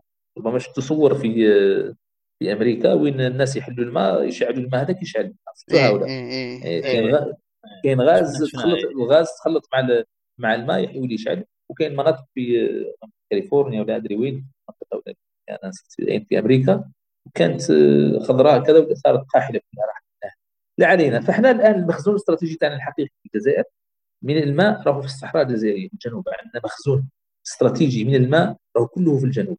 فتصور أنه لو اضطروا لاستخراج هذا الغاز الصخري هذا نلوثوا هذه الكميات الهائلة من الماء. إحنا خسرنا حياتنا يعني. عندنا مليارات الامتار المكعبة من من من الماء. يتكفي لي مئات السنين يعني لو نضخوا هذه المياه نقدروا نديروا بها زراعة نقدروا نشربوا منها نعيشوا منها لمئات السنين يعني كميات هائلة جدا. تصور أنه هذا المخزون الاستراتيجي هذا نلوثوه بهذه المواد ولا بهذا الغاز؟ هذه واحد. اثنين أنا الذي اراه أنا هذا رأيي وأنا مسؤول عليه هو أنه وربما هذا هو الرأي اللي كان وارد في الجزائر أنه خلينا نستناو شوي على الأقل التكنولوجيا تتطور أكثر. ربما نوصلوا التكنولوجيا تتطور يوم بعد يوم. نقدروا نستغلوا هذا الغاز هذا في مراحل قادمة إذا احتجناه وأكيد راح نحتاجوه لكن تكون التكنولوجيا أحسن مما هي عليه الآن. ربما نوصلوا إلى حلول تكنولوجية أكثر امنا بحيث نقدروا نحميو هذه الثروة المائية اللي عندنا في الصحراء ونستطيع أن نستخرج هذا الغاز. أنا هذا رأيي الخاص يعني. نحاولوا نشوفوا طرق بديلة أخرى طاقات متجددة نديروها mix énergétique des énergies éoliennes la biomasse نستغلوا كل. ربما كاين سؤال حتى لا ننسى أخي على الموضوع تاع البيوماس اللي هو مهم جدا بالنسبة للموضوع الطاقات المتجدده نحاولوا نستغلوا كل ما عندنا الامكانيات تاع الطاقات المتجدده اللي راهي ماهيش مستغلة إلى يومنا هذا. هذا راح يخلينا نستهلكوا الغاز ولا البترول كميات أقل لأنه راح نقدروا نعوضوا جزء منها أقول جزء هذه الطاقات البديلة. ولما نعوضوا جزء منها بالطاقات البديلة راح نعطيوها عمر أطول. يعني الغاز اللي راه موجود عندنا الآن بدل ما يكفينا 20 سنة يولي يكفينا 30 سنة مثلا لأنه قدرنا نديروا substitution قدرنا نعوضوا جزء منه أو مما نستهلكه من خلال غازات متجددة أو طاقات متجددة بديله فبهذا الشكل نقدروا نربحوا الوقت. يعني إحنا رانا في السباق مع الوقت كيفاش نقدروا نحافظوا على كمية من الصادرات؟ لاباس بها تكفينا المصروف تاعنا. كيفاش نقدروا نحافظوا على الإنتاج تاعنا الطاقوي اللي يكفي؟ في نفس الوقت نربحوا الوقت باش التكنولوجيا أيضا تتطور عندما نريد أن نستغل الغاز الصخري. لكن الذي أصر عليه في كل مرة هو أنه النموذج الاقتصادي تاعنا يجب أن يتحول فعلا إلى اقتصادات خالقة للثروة يعني إمكانياتنا المادية ثرواتنا بدل أن نشتري بها أشياء كمالية نشتري بها البنان ونشتري بها أشياء كمالية نقدروا نستغنوا عليها ونقدروا نوجهها محليا. ونوجهوا هذه الاموال هذه نوجهها إحنا كنا نحكيو على شيء استراتيجي اللي هو الجامعة. كيف نبني مدرسه حقيقيه جامعة حقيقية؟ كيفاش فعلا الجامعة الجزائرية تولي جامعة؟ الطاقات الحقيقية والكوادر الحقيقيين اللي يرافقهم ثورة صناعية زراعية مرافقة اللي راح يبنيوها اولئك الناس. يعني نستثمروا هنا وهنا نستثمروا في الكادر البشري من خلال المدرسة من خلال الجامعة ونستثمروا في الكادر الاقتصادي بانه نبنيو اقتصاد موازي بحيث هذيك الجامعة الخريج تاعها. راح يجي مباشرة باش يمشي هذاك الاقتصاد اللي راهو اللي راهو يصنع في, المستوى الآخر. إيه. من يقوم بهذا الشيء هذا كله؟ هنا هنا هنا سؤال أكبر. شكون؟ إحنا الآن رانا نحترق على هذا البلد بصح المفروض الناس يفكروا بهذا الشكل وأكثر من هذا الشكل يكونوا موجودين عندهم مراكز تاع تفكير مراكز تاع بحث مراكز كذا مراكز تاع دراسات هما اللي يوضعوا السياسات يوضعوا السياسات العامة هما اللي يوجهوا ال exécutif تاعنا والحكومة والأخرى. في أي اتجاهات يسيرون. بدل ما تكون ال improviste بهذا الشكل اللي رانا حاسينه الآن حاسين c'est à l'improviste عبارة عن أموال تجي وفي كل مرة تدير حلول ترقيعية من أجل ربح الوقت والذهاب والهروب الأمام. تجيب ناس تعطيهم دراهم تحطهم في, الإدارات. أنا واحد الوقت في الجامعة في إطار تشغيل الشباب وكذا. قال الانام تدخل كل مكتب تلقى فيها ثلاث أربع بنات. الاولاد ما يقدروش لأنه عندهم مشكلة تاع الأرمي. دونك كان غير البنات. وين تدخل تلقاها معمرة بالبنات. يعطيوهم هذيك 800 ألف هذيك وشو يجوا نهار كامل قاعدين في وخلاص. فتحس باللي ما كانش تفكير حقيقي. يعني هذه الطاقات هذه الرائعة شباب في مقتبل العمر في العشرينات من عمره يتحطوا في مكتب وتعطي 800000 بالنسبة لك حليت المشكلة لكن ما مش مش حليت المشكلة. هذه راهي طاقة أمامك يعني طاقة استعملها في أي شيء. يعني حتى في الاقتصاد يقول لك يقول لك الفرد خليه جزء البطالين نص منهم خليهم يحفروا أنفاق ونصهم يردموهم. ما تعطيش فلوس بلاش. خليه يحفر من الصباح للعشية وتعطيه دراهم. ومن بعد تجيب اخرين يردموه ماشي الامام يردموه واعطيهم فلوس ما تخليش ما تخليش في الكرسي وتعطيه دراهم عباره عن طاقه فهنا تبدأ الأسئلة الحقيقية. هل ما عندناش ناس يفكروا بهذا الشكل؟ أنا دائما أتساءل يعني هل في المستويات العليا عندنا الناس يفكروا؟ عندنا عندنا الناس يفكروا. ساعات تحس بلي ما كانش يعني تطلع تطلع تطلع تطلع توصل توصل لفوق خلاص ما تلقاش يعني شيء يختلف على تحت. للأسف يعني. الناس في مستويات عليا لكن إيه إيه. نعم. للأسف لأنه كاين كثير من الكفاءات اللي هما جبدوا بهم الحصيرات كلهم شد وكاين ياسر ناس تلقاهم والله عنده ولكن المسكين ما يقضيش ما يقدرش يجسد هذيك النظره تاعو المهم دائما في موضوع الطاقة نعم. أستاذ كذا كاين كنت نتفرج مؤخرا واحد نتفرج واحد الفيديو في يوتيوب يحكي على قضية شركة نيكولا هذه شركة حبت حبوا يخرجوا كما يقولوا شاحنات منافسة لشركة تسلا. الفرق بينها وبين الأخرى أنها تمشي مع الأول قالوا نمشوا بالغاز الطبيعي بعد قالوا نخدموها بالهيدروجين. في الأخير ظهرت أن الشركة هذه خرطي طلعت باش تخيل برك أنا لحقت ال valuation تاعها 36 مليار دولار يعني ولا تسوى أكثر من فورد المهم بلعتهم السيد هذاك اللي دار الشركة كذاب كبير وسرع هذا هذا يكون يكون ولد هذاك اللي دار ال machine هذيك تاع يكون يكون حفيده آه إيه إيه دجال كيما هذاك حبيبنا إيه. السيد دار لك دراهم جاب مستثمرين ابو استثمرت معاه بوش استثمرت معاه General Electric. وحشاها لهم يعني جاب لهم في في في ال démo تاع جات ام اس ان بي سي وقنوات تلفزيونية كبيرة. جاب لهم كاميو كاع مخدوم وكذا ولكن حاجة ما فيه تمشي. حتى في الفيديو هذاك اسمه الفيديو التسويقي. عباك واش دار لهم باش يبان باللي هذاك الشاحنة تمشي؟ هي شاحنة شغل roues لاصقين في يعني ما فيهاش محرك ولا. جابوه طلعوه في الحدوره وطلقوه. إيه، ال roulement هذيك ولا كي trottinette ولا skateboard roulement اي وباع. المهم ولكن بقات في بالي إنه الهيدروجين هل الهيدروجين يعتبر كطاقة؟ هذه الشاحنات والسيارات وسائل النقل. هل viable وخاصة هم ذكروا أنه الهيدروجين غالي كثيرا من ناحية الإنتاج وفي الحفظ تاعو وناحية ال security قضية شوية خطيره هل أنه قادر هنايا نستعمل نخرجوه من الغاز اللي عندنا ولا هل تعتبر énergie viable من ناحية الاقتصاد؟ سؤال مهم جدا لأنه هذا الهيدروجين في بزاف spéculation كما يقولوا. اولا الهيدروجين إحنا نستعملوه كطاقة لحد الآن ما قدرناش إحنا إحنا ال mécaniciens يعني. لحد الآن ماناش قادرين نستعملوا الهيدروجين كوقود للمحركات مثل الغاز الطبيعي. عندنا مشكل لحد الآن مشكلة. الآن نديروا ce qu'on appelle fuel blending نديروا blending blending هو نخلطوه يا إما مع l'essence ou blended with gasoline ولا مع مع الغاز كل أنواع الغاز y compris le biogaz اللي أنا نشتغل donc عبارة خليط نديروه وأقصى شيء نوصلوا حتى ما وصلناش أكثر من 20% أظن. يبان لي والله أعلم معلوماتي ربما وصلوا أكثر. فهذه الطريقة إذا حبينا نستعملوه ك carburant إذا الاستعمال تاعو الآخر الاهم هو في إلى combustible في ال fuel cells fuel cells هي عبارة عن تحويل كيميائي ما فيش combustion ما فيش احتراق donc ال fuel cells عندها deux pôles نحطوا الهيدروجين من جهة الأكسجين من جهة والبروتونات تنتقل من la cathode l'anode وينتجنا كهرباء؟ عبارة عن عن pile شيشين pile la pile la pile تعطيك الكهرباء. donc انت اعتبر هذيك la pile هذيك تعطيها انت دائما carburant ال carburant هذا تاعها هو الوقود تاعها هو هيدروجين وأكسجين. وتبقى تشتغل une pile inépuisable دائما الفيول تاعها يجيها عن طريق الهيدروجين. وهذوك les protons ال H plus هذوك ينتقلوا في الوسط هكذا وسط بين la cathode l'anode ينتقل في هذاك الوسط وينتج الكهرباء ف une pile تنتج كهرباء هذاك الكهرباء لكن شيء به محرك كهربائي. محرك كهربائي عادي. هذا الاستعمال تاعو الاشهر هو في ال fuel cell الآن المشكلة اللي تطرح بالهيدروجين وش هي؟ هو أنه من أين تنتج الهيدروجين أنت منين تجيبه؟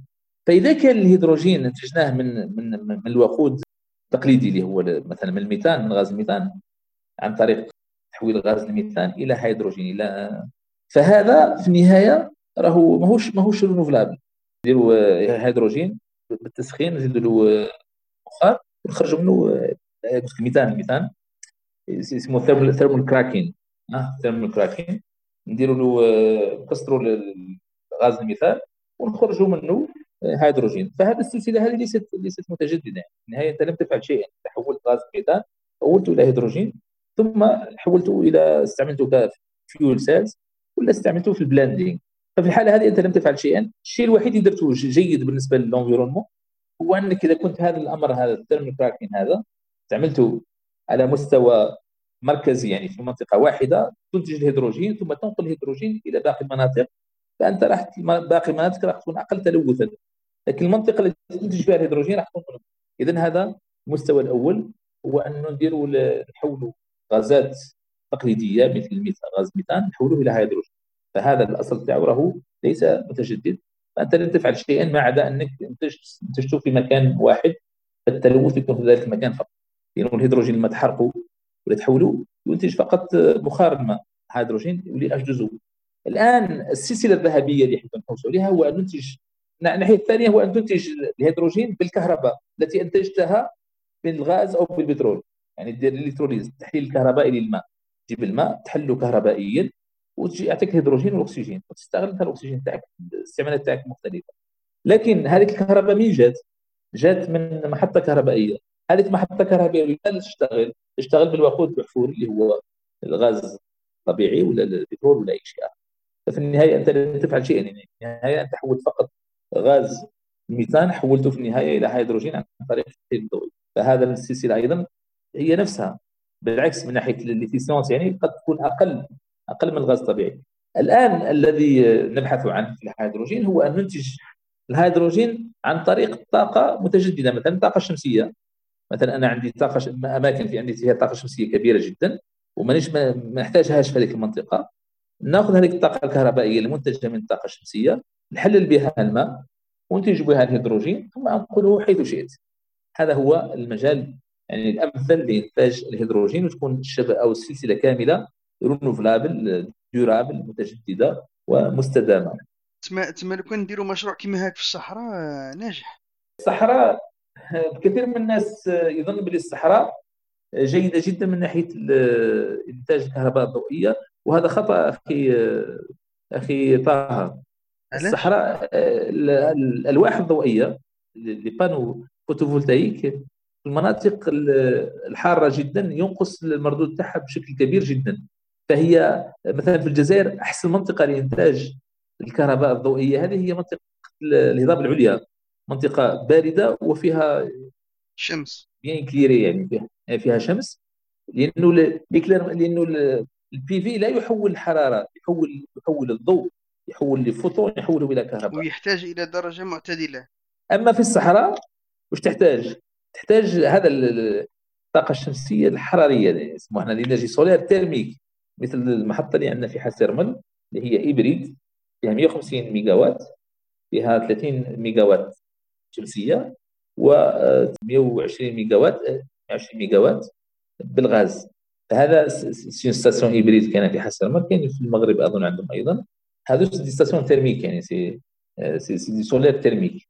هذو نعم في الصحراء لأنه عندنا حرارة عالية جدا تقدر تحول. طبعا الحرارة نفس الشيء نقدر نمشي معك أخي طه يعني حتى في الصحراء إذا قدرت دير des stations هذو thermiques وتقدر تنتج الكهرباء من منها هذيك الكهرباء تقدر تستعملها أيضا لإنتاج لإنتاج الهيدروجين إلى شيء أنا اللي قصدته ان ان انه أنه الطاقة الشمسية بحكم أنه الكهرباء تخزينها راه صعب اليوم ويتطلب تكنولوجيا عالية أنه لو كان نولدوا به الهيدروجين اللي نقدروا نخزنوه بطريقة أسهل راح تكون أفضل من طريقة التخزين والنقل نعم نعم. أنا أنا- نعم هذه طبعا أنا معك. هي الهيدروجين هي أحد الطرق تاع التخزين. انه عندنا طرق كثيرة للتخزين تاع الطاقة الشمسية باش نستعملوها لما ت- لأنه لو كان نديروا مشا... مشاريع مثلا في في الأوراس وفي في الهضاب العليا عندنا راح تكون مشاريع ناجحة لأنه لا نعودوا ن- نخزنوا كهرباء عن طريق الهيدروجين ونبيعوها. بين الهيدروجين يعني في حد ذاته نعم مم. ولا- تنتج به الكهرباء يعني مش مشكل إذا كنت ولا تنتج به كهرباء ولا أن أن نظن نبيعوا لأنه رانا رايحين للسيارات اللي مبنية على الهيدروجين ولا تنتقل بالهيدروجين. طبعا السيارات الهيدروجينية راهي سيارات كهربائية في النهاية. هي تمشي avec avec pile à combustible مع مع مع محرك كهربائيه فهي سيارة ن- نصف كهربائية يعني إذا صح التعبير. لكن آه، لا أدري لا pile à combustible fuel cells أنا وك- أنا ما نشتغلش عليها لكن اواكب ما ي- ما يصنع فيها. عندها الآن تقريبا لا أدري حوالي 20 سنة لكن التطور فيها ضعيف جدا. يعني ما كاينش التطور. كبير جدا. إيه، فلا أدري اولا التكنولوجيا دقيقة جدا وما متطورش عكس مثلا السيارة الكهربائية السيارة الكهربائية أي دارت تراجع ثم دارت قفزه هائله في السنوات الأخيرة. قبل سنوات شفت. أنا. بورتغال في أمريكا هزوا السيارات في التراكس يعني في الميل بداوهم باش سيارات جديدة هكذا كهربائية. باش يكسروها يتخلصوا منها. والآن السيارات الكهربائية عادت وعادت بقوة كبيرة جدا. فالهيدروجين في ال fuel cells في ال pile à combustible للأسف ما طوره لا أدري. هذا يحتاج في حد ذاته إلى السؤال يحتاج إلى تحليل يعني. لكن الهيدروجين هو طاقة ممتازه جدا نظيفة جدا. آه، إذا كان عندك متوفر تقدر تستعمله في يعني حتى. ولو كخليط يعني. يعني دخلته دخلته مع مع الغاز الطبيعي ولا مع البنزين ولا مع كذا تستعمله. فهذا سوف يطيل عمر مرحليا إلى أن نصل إنه الناس تشتغل توصل تحب توصل لمرحله معينة تستعمل الهيدروجين كوقود. كما تستعمل أنت الهيدروجين الآن. الغاز الطبيعي كوقود. آه، نوصلوا مرحلة وين نستعملوا الهيدروجين كوقود. كاين شيء آخر نستعملوا فيه الهيدروجين؟ ربما لا أدري الوقت قداش بقى. اللي هو في المجال اللي نخدم فيه هنا مجال الغاز الحيوي ال biogaz. مم. كنت راح نحكي لك ال- كنت راح نحكي لك الكتلة الحيوية la biomasse وال biogaz اللي هي من الطاقات البديلة اللي نقدر نستعملوهم هل ممكن تحكي لنا عليهم؟ وهذا السؤال الأخير ما نطولوش عليك تفضل. آه، هذا نقدروا نربطوه مع الهيدروجين انه الهيدروجين نستعملوه في واحد المستوى اسمه P2G power to gas يعني نستعملوا الكهرباء من أجل تحويل أو ال upgrading l'enrichissement تاع البيوغاز. البيوغاز أنا أنا في هولندا كنت نشتغل على ال combustion تاع ال- كنا نديروا gazéification تاع ال biomasse نخرجوا منها gaz synthétique اسمه ال syngas low calorific value gas ولا biomass derived gas هذا الغاز هذا يحتوي خاصة على غاز مونوكسيد الكربون CO يحتوي على الهيدروجين حوالي 10% 10% هيدروجين 10% CO وحوالي 2 4% ميثان الباقي كله inert يعني عبارة عن CO 2 وغاز ال- الأزوت نيتروجين هذا الغاز هذا نستعملوه هنا أنا أنا البحث تاعي كان حرق هذا الغاز ك turbine à gaz donc نهز نفس الغاز ودرت la combustion تاع هذا الغاز هذا الاحتراق تاعو في une turbine à gaz laboratoire. لما رجعت الجزائر تحولت لأنه أقرب شيء ليه هو الغاز الحيوي ولا la biomasse ال biogaz تاع ال biomasse عندنا طريقتين لإنتاج هذا الغاز الحيوي. سواء بالتخمير تاع المادة العضوية المواد العضوية في digesteur في مفاعلات contrôlés متحكم فيها نتحكموا في البي اتش تاعها نتحكموا في الحرارة تاعها حوالي 35 درجة mésophile نتحكموا في ال mixing تاعها يعني وننتج وتكون نوفروا الجو لا هوائي يعني هواء وهناك بكتيريا معينة مراحل معينة في تطرى في التحول تاع المادة العضوية. إلى أن تنتج في النهاية خليط غازي. هذا الخليط يكون من غازين أساسيين اللي هو غاز الميثان CH 4 اللي هو الغاز الأساسي في الغاز الطبيعي. الغاز الطبيعي عندنا حوالي 90% ميثان. والغاز الثاني هو غاز ثاني أكسيد الكربون CO donc ال biogaz issu de la biomasse الغاز الحيوي الذي ننتجه من الحيوية la biomasse ما هو إلا خليط غازي يحتوي على غازين اساسيين الميثان حوالي 50% وثاني أكسيد الكربون حوالي 50% واضحة ربما الفكرة هذه. هذا الغاز هذا عنده اول. avantage سيكون نسبة الغاز فيه partie combustible كما نسموها الجانب المحترق فيه اللي هو غاز. الميثان كبير جدا. اللي هو حوالي 50% ميثان. مما يجعل le pouvoir calorifique تاعو القدرة الحرارية تاعو تقريبا نصف القدرة الحرارية للغاز الطبيعي. وهذا مهم جدا بالنسبة لنا لأنه كل ما كان الغاز القدره الحرارية تاعو عالية كل ما كانت كثافته الطاقوية أكبر. يعني لأنه القدرة الحرارية هي عبارة عن كثافة طاقوية يعني قداش الميجا جول موجودة في الكيلوغرام ولا في المتر مكعب يعني كما ناخذ متر مكعب من هذا الغاز قداش الميجا جول نلقاو فيه. فإذا كان الغاز الطبيعي ناخذ متر مكعب تاعو فيه حوالي 40 ميجا جول غاز ال biogaz هذا أو الغاز الحيوي من الكتله الحيويه تستخرج من الكتله الحيوية نلقاو في كل متر مكعب حوالي 20 ميجا جول يعني حوالي نصف. وهذا راح ياثر مدى ال design. طبعا بسرعة كبيرة جدا هو أنه من أهم أهم أهم إيجابيات هذا الغاز هو أنه يستعمل نفس المحركات المستعملة في الغاز التقليدي وهذا مهم جدا. يعني ما نحتاجوش الآن باش نخترعوا محركات جديدة ولا حاجة. يعني عبارة عن بالانجليزيه اسمه retrofit retrofit. تغييرات بسيطة جدا كما نديروا مع ال GPL كما نديروا مع ال GPL ونحولوا المحركات تاعنا وال turbine à gaz تاعنا يمشيوا بال biogaz sans problème ساعات يصير لنا مشكل إحنا عندنا في الطاقة كي نديروا محرك اسمه عنده عنده design for يعني عنده كي يخدم à puissance أقل ولا أكبر أصلا أقل نسموها يخدم off design off design فربما المحرك تاعنا هذا التقليدي كي نمشيه بالغاز الحيوي راح يمشي off design لكن راح يشتغل كاينش مشكل. اذا راح نستعملوا نفس ال infrastructure نفس المحركات نفس الشيء اللي موجود عندنا كامل نستعملوه بنفس الغاز. فهذا راح نربحوا به أموال طائلة اننا لا نحتاج إلى تغيير هذه المحركات وهذا ال infrastructure اللي موجود عندنا. فوتوا هذه. الطريقة الثانية لإنتاج الغاز هي طريقة طبيعية جدا. حاليا في المكبات تاعنا نسميهم les CET les décharges les centres d'enfouissement technique مراكز الردم التقني صرنا ناخذ النفايات المنزلية اللي فيها كمية كبيرة من المواد العضوية. الجزائر توصل حتى 70% من النفايات تاعنا هي مواد عضوية. نحطوها في المكبات هذه ونردموها نغطيوها بالتراب فبعد مدة هذيك الكتله الحيوية هذه المادة العضوية راح تستهلك الأكسجين الموجود لداخل.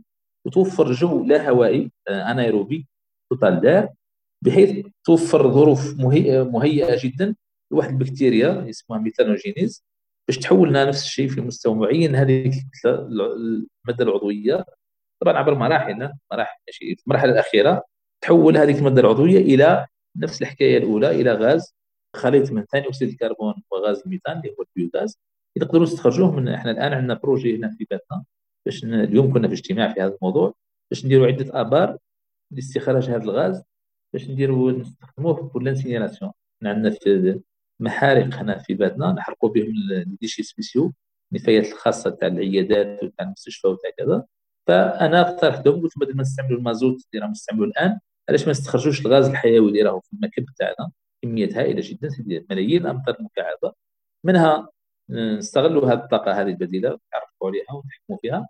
منها نستعملوه كوقود لحرق هذه النفايات الخاصه إحنا رانا ماشيين في ال projet هذا. مع العلم أنا درت des tests قبل في نفس المكان ولقيت نوعية غاز ممتازة جدا. ودرت أيضا des tests في البليدة أيضا المكب تاع الصومعه لقيت نوعية غاز فيها 58% عبارة عن ثاني غاز الميثان. وأكسجين يقترب من الصفر. يعني مكب أو منجم رائع جدا للبيوغاز فالآن لو نجيو للجزائر الجزائر عندنا حسب المعلومات اللي عندي أكثر من 200 مكب من هذا النوع 200 في كل مكب مثلا في باتنا نقدروا نديروا فيه على الأقل station تاع 5 ميجا وات فهنا آه، زبير وطه لاحظوا بلي ننطلقوا آه، لما كنا نحكيو على الطاقة الشمسية نحكيو على بالوات. آه ال panneaux فلازم كميات هائلة جدا تغطيها بال panneaux باش تخرج des kilowatts des mégawatts هنا تحكي على مكب في حوالي 100 متر على 100 متر يقدر ينتج لك 5 ميجا وات ولمدة ليل نهار لمدة تصل حتى ل 20 سنة 25 سنة. كميات هائلة جدا. من الغاز اللي راهي موجودة في هذا وتمثل خطر على السكان تمثل خطر على الناس اللي يخدموا الثم تصير مرات انفجارات حرائق لأنه كميات هائلة. والميثان غاز خطير جدا يعني هو odorless tasteless ما عنده لا ذوق ولا odeur ولا colorless ما عندوش couleur فيقدر يجي في مناطق معينة هكا يجي يدير des niches يتخبى في مناطق معينة يجي واحد مثلا يشعل سيجارة ولا حاجة يقدر تنفجر وصلت حوادث تاع موت كذا اضافه إنه هو غاز potentiel من ناحية الغاز الريحة اللي يزيدوها له هذيك الصناعيه اللي نشموها هنا في نعم. ديارنا تاع الغاز. هم يزيدوها صناعية. آه يزيدوها يزيدوها رائحه نعم يزيدوها رائحه آه نعم ولا ما تشم؟ يزيدوها اي يزيدوها برك باش الناس نعم. فيها بالضبط بالضبط هذه l'odeur راهي زيادة. ساعات في فترات معينة في الشتاء يزيدوها بزاف بحيث تشمها ب يزيدوا لها يزيدوا لها الكمية بقوة باش الناس يكشف عندهم des fuites يفيقوا لهم السؤال اللي كان عندي في فيما يخص المكبات هل الاستثمار فيها يحتاج دراهم أموال طائلة ولا نقدروا هذه المكبات نستغلوها بتكنولوجيا اللي ما تتطلبش استثمار كبير؟ لأنه نظن باللي الأرقام اللي كنت تحكي عليها مهولة من ناحية التوليد الكهربائي. بالضبط. أنا كنت راح نكمل الأخر نرجع لهذا السؤال. بالضبط. أنا كي نحكي على بلدنا إيه، مدينة صغيرة نقدر ندير فيها 5 ميجا وات حسب بحث عندي. أنا طالب دكتوراه تخرجت ودارت سيناريو تاع استعمال آه، هذا المكب من أجل إنتاج الكهرباء. نقدر نوصلوا حتى 5 ميجا وات إذا كان ال système جيد. فانت اذا 5 ميجا وات باتنا مدينة متوسطة بل صغيرة يعني المدن أكبر منها بكثير. لكن خلينا نديروا متوسط تاع 3 ميجا وات مثلا. إذا عندك 3 ميجا وات عندك 200 3 في ال 200 هذه حوالي 600 ميجا وات 600 ميجا وات راهي راهي محطة كهرباء كاملة. يعني في بلادنا هنا كانت عندنا محطة هنا فيها 150 ميجا وات فقط. كانت محطات فيها 300 ميجا وات يعني 600 ميجا وات عبارة عن محطتين كاملتين يمشيو بالغاز. هذه الكميات كلها راح توفرها.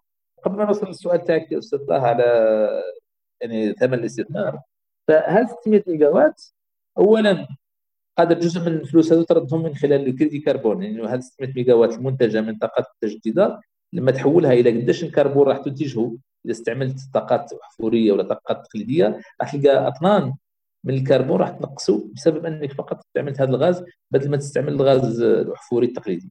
فهذا ال crédit carbone هذو يتباعوا في la bourse حسب الاتفاقية تاع كيوتو.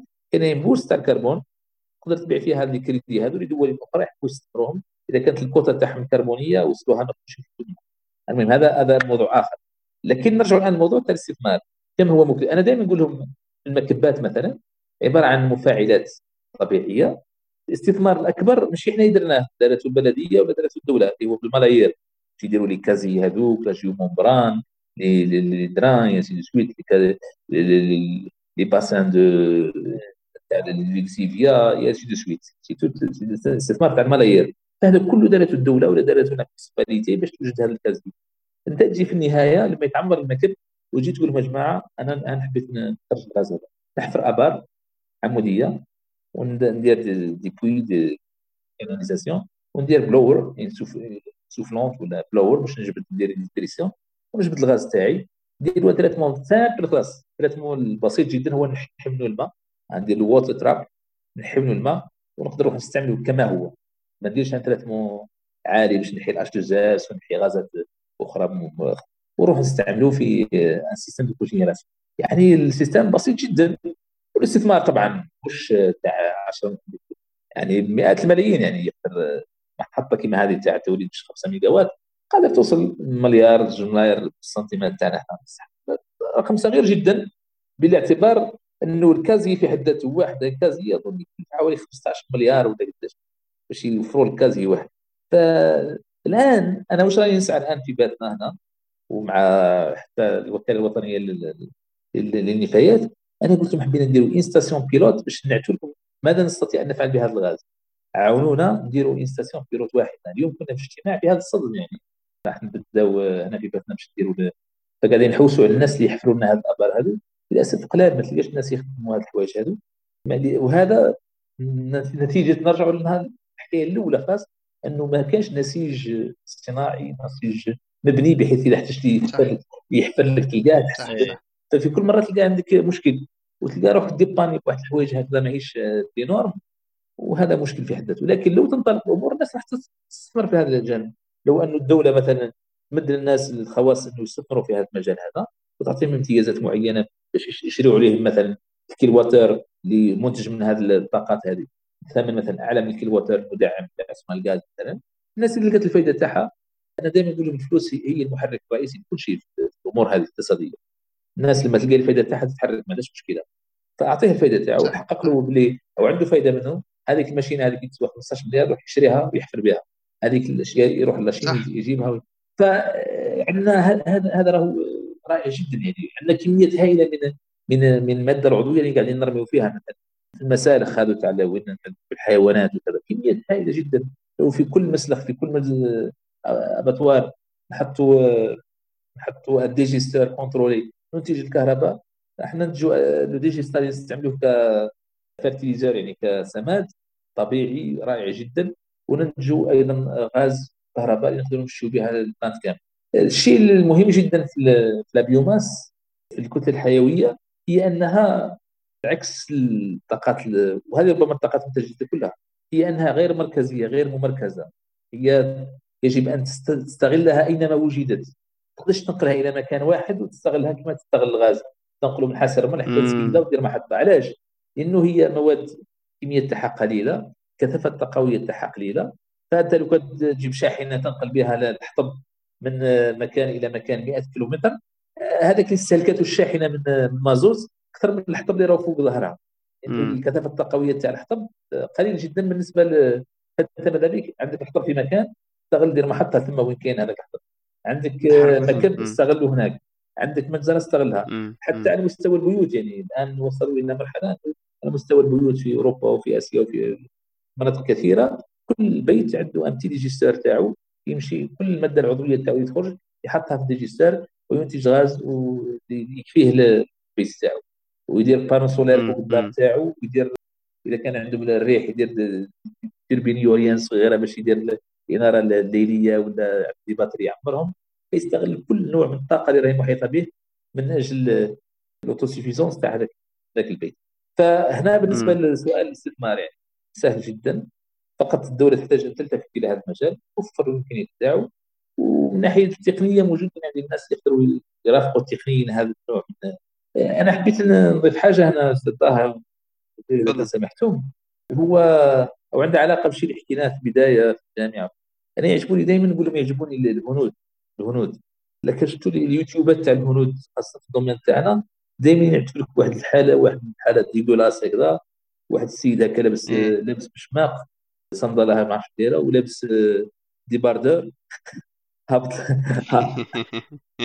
دائما لابس débardeur هابطوا على جهة وجهة طالعة ولابس هذاك ال jupon هذيك تاعو.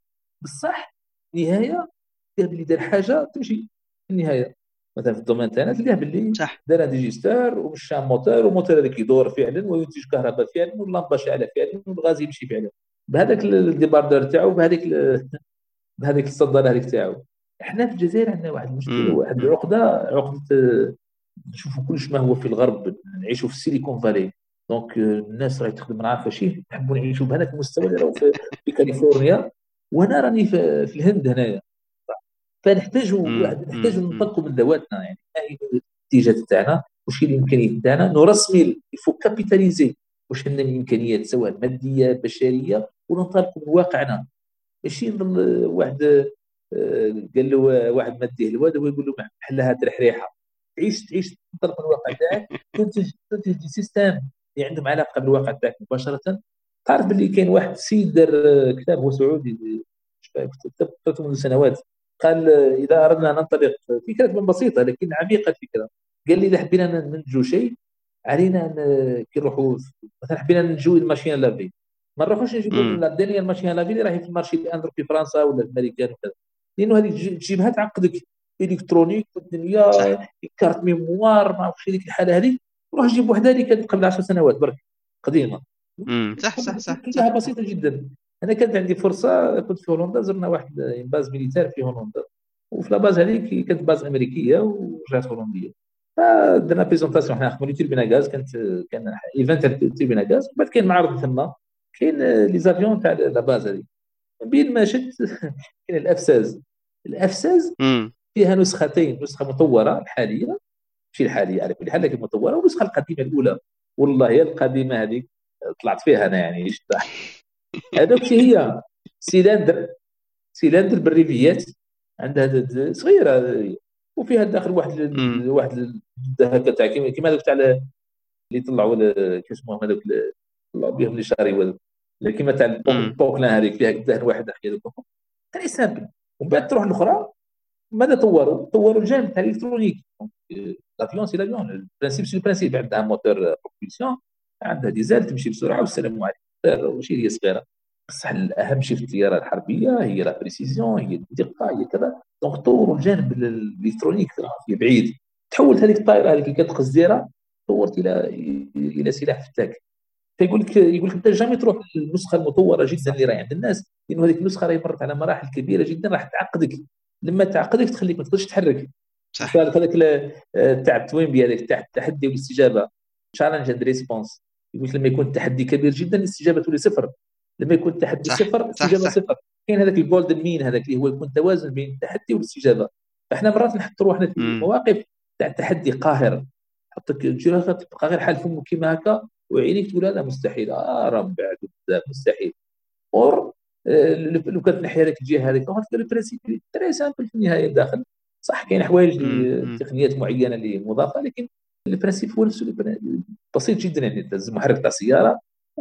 start small start small and think big فحبيت نقول إنه هنا ننطلقوا من واقعنا. نهزوا الإمكانيات اللي عندنا الطاقات اللي عندنا la biomasse اللي شيء الدنيا. نبداو نطوروا أمورنا. نديروا retrofit حنايا les moteurs نجيبوا les moteurs تاع الديزل نحولوهم حنا نحولوهم إلى des moteurs واش شرط؟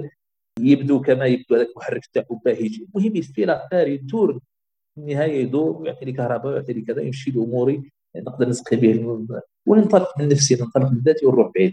إحنا مشكلتنا إنه دائما عايشين في واحد المستوى عايشين أنا أقول لهم واحد التصوير في الخير. يقول لهم ليزالجيريان طه وكل واقفين صادين لوروب كيشغل القبله حتى كان في المسجد الاخي صادين كل الناس القبلة. فإحنا ليزالجيريان وكل صادين لوروب خرجينا راه في افريك حنا سيدي كيفاش يقولوا هذوك لي بينوار تاع الصح؟ رجينا في افريك بصح راه صارنا كل في اوروب وحتى إنه هذوك جماعة تاع أفريقيا نسميهم les Africains. صح إيه، صح إيه، صح نقول لك لي زافريكان. صح صح.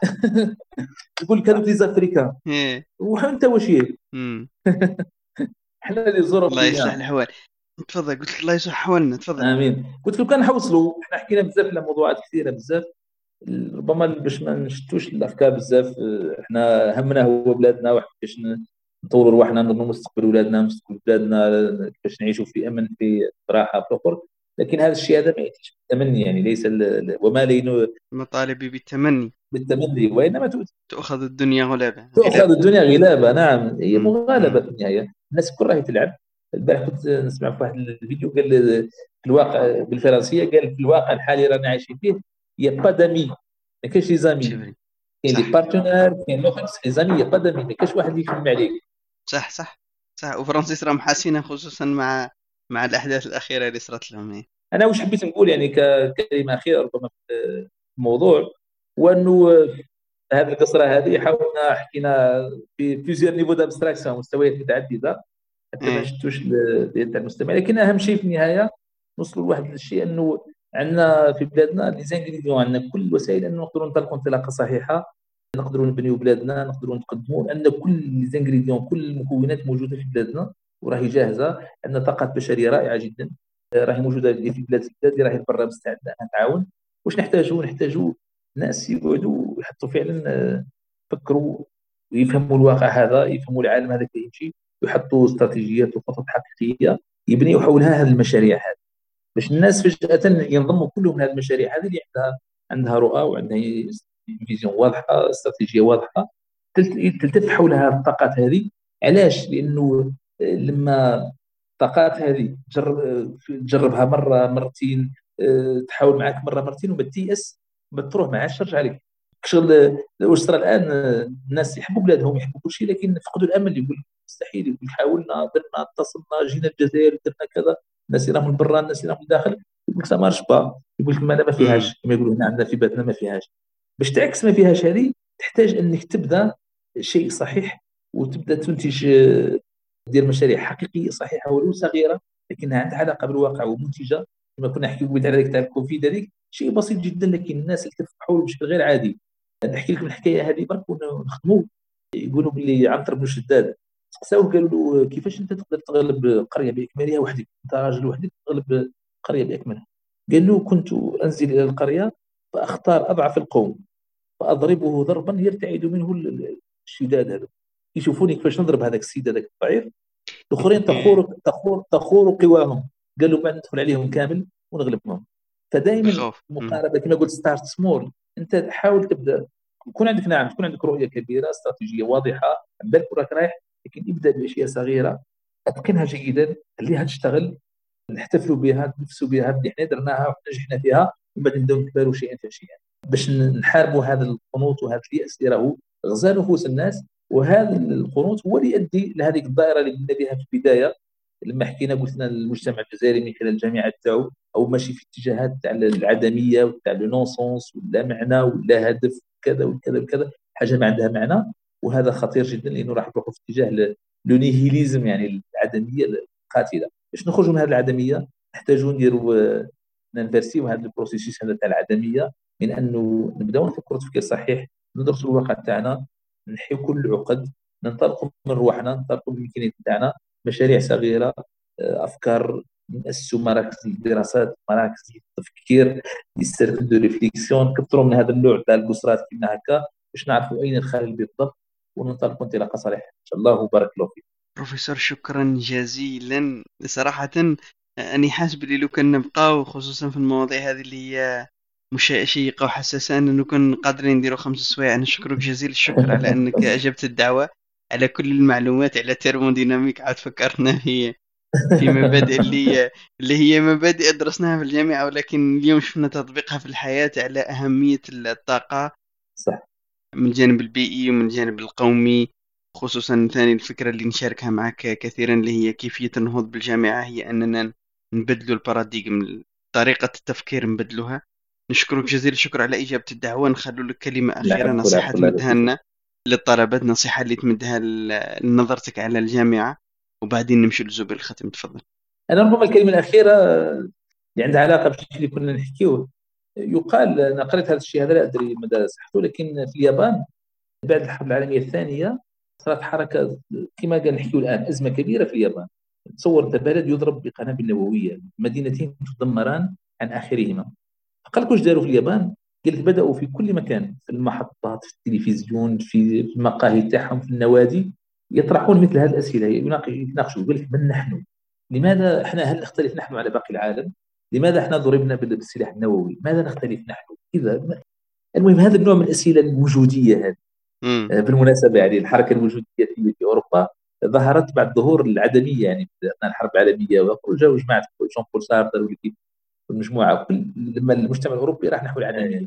فالأسئلة الوجودية هي اللي تجاوبك تحطك من جديد في فبعد ما جاوبوا اجابه صحيحه سنتين أو أكثر لا أدري وهذه الأسئلة مستمرة عندهم. فلما عرفوا منهم ماذا يريدون؟ إلى أين يريدون أن يتجهوا؟ وضحوا كل هذه الأمور. هذه انطلقوا انطلاقة صحيحة في سنوات عديدة صار الاقتصاد الياباني هو ثاني اقتصاد في العالم بعد الاقتصاد الامريكي صح. فإحنا للأسف هذا العمل هذا لم نؤديه. فنحتاج إلى مثل هذه القعدات إلى مثل هذا هذا ليس طرف هذا ليس طرف فكري. نحتاج الناس كل فكر تقول يا جماعة ورانا رايحين. ما هو مستقبل أولادنا؟ ما هو مستقبل جامعتنا؟ مستقبل أطفالنا؟ مستقبلنا إحنا أين نحن؟ هذا العالم الذي نحن فيه هذا هذا النوع الأسئلة الكثيرة الكثيرة جدا نحن كأمة كبلد كذا هذه الأسئلة لما تعود هي هي هي هي أسئلة الحقيقية ما هيش البارس أو الريال وهذا النوع من الاسئله التافهه حين ذاك حين ذاك حين ذاك كنا روحنا في الخطوة الأولى في الاتجاه الصحيح اللي نديروا بها التي تقود إلى النهضة إلى الازدهار إلى غيرها. أنا في ذلك نشوف دائما نركز على هذا الشيء. مراكز تفكير دوائر تفكير التفكير الدراسة المناقشة حتى باش الناس كل تحس آه، عمق المشكلة وخطورتها وعمق التفكير في المستقبل وعمق إنك تكون حاضر في هذا العالم حقيقة مش فقط أن تدير فأنا أشوف يعني هذا ربما نصيحة لأبنائنا إنه ينخرجوا في هذا النوع تاع تاع الأفكار أو النوع تاع الجلسات أو النوع تاع المناقشات باش يبنيوا روحهم إنه يقدروا يكونوا فعلا رجال دولة يفكروا في مستقبلهم ومستقبل حتى لا يتفاجؤون بالمستقبل أمامهم. وهم ليس هم الذين صنعوه. نختم واحد الكلمة صغيرة جدا تعجبني تاع إدغار مورا. عنده واحد الكتاب قريته ولا كتاب صغير جدا أنصح بقراءته. العنوان تاعو إلى أين يسير العالم؟ فإدغار مورا يحكي هنا يقول المستقبل لا تصنعه العوامل المؤثرة الآن في الواقع التي تراها. راهي ماكرو الآن نشوفها في الاقتصاد في الثقافة في الاجتماع. هذه العوامل هذه راح تحكمها سنن تاع تاع الاندثار تاع ال damping. مع الزمن سوف تندثر. العوامل الحقيقية التي تصنع المستقبل هي عوامل حاليا راهي عوامل ميكروسكوبية. عوامل جنينية ما زالت embryonnaire هذه العوامل سوف تتطور تطورا نسقيا سيروريا سننيا حتى تصل أنها تصنع المستقبل تاعك. هذه العوامل إذا لم تصنعها أنت إذا لم ترعاها أنت وتزرعها أنت وتضع لها الاتجاهات أنت فسوف يصنع لك الآخرون تلك العوامل وسوف يصنعون لك مستقبلك مبارك الله شكرا جزيلا أستاذ. بارك الله فيك على استجابة للدعوه وشكرا ثاني مجددا على المواضيع كاع اللي اثرتها لنا واستفدنا منك. وإن شاء الله كما قلت أنت إن شاء الله البلاد تاعنا تتطور وان شاء الله إحنا كاع نهضروا باه نشخصوا المشاكل اللي عندنا على كل مستويات من تحت وطلع سواء كانت نقولوا هنا تقنيه ولا كانت هنا فلسفيه أو تفكيريه كاع رانا كما نقولوا هنا حابين الخير للبلاد إن شاء الله. وأول خطوات العلاج هي الاعتراف بالمرض. من غير إطالة المستمعين تاعنا يعطيكم الصحة اللي بقيتوا معنا واستفدتوا معنا ثاني استفدنا. من غير إطالة تصبحوا على خير نلتقي في حلقة أخرى إن شاء الله. السلام عليكم.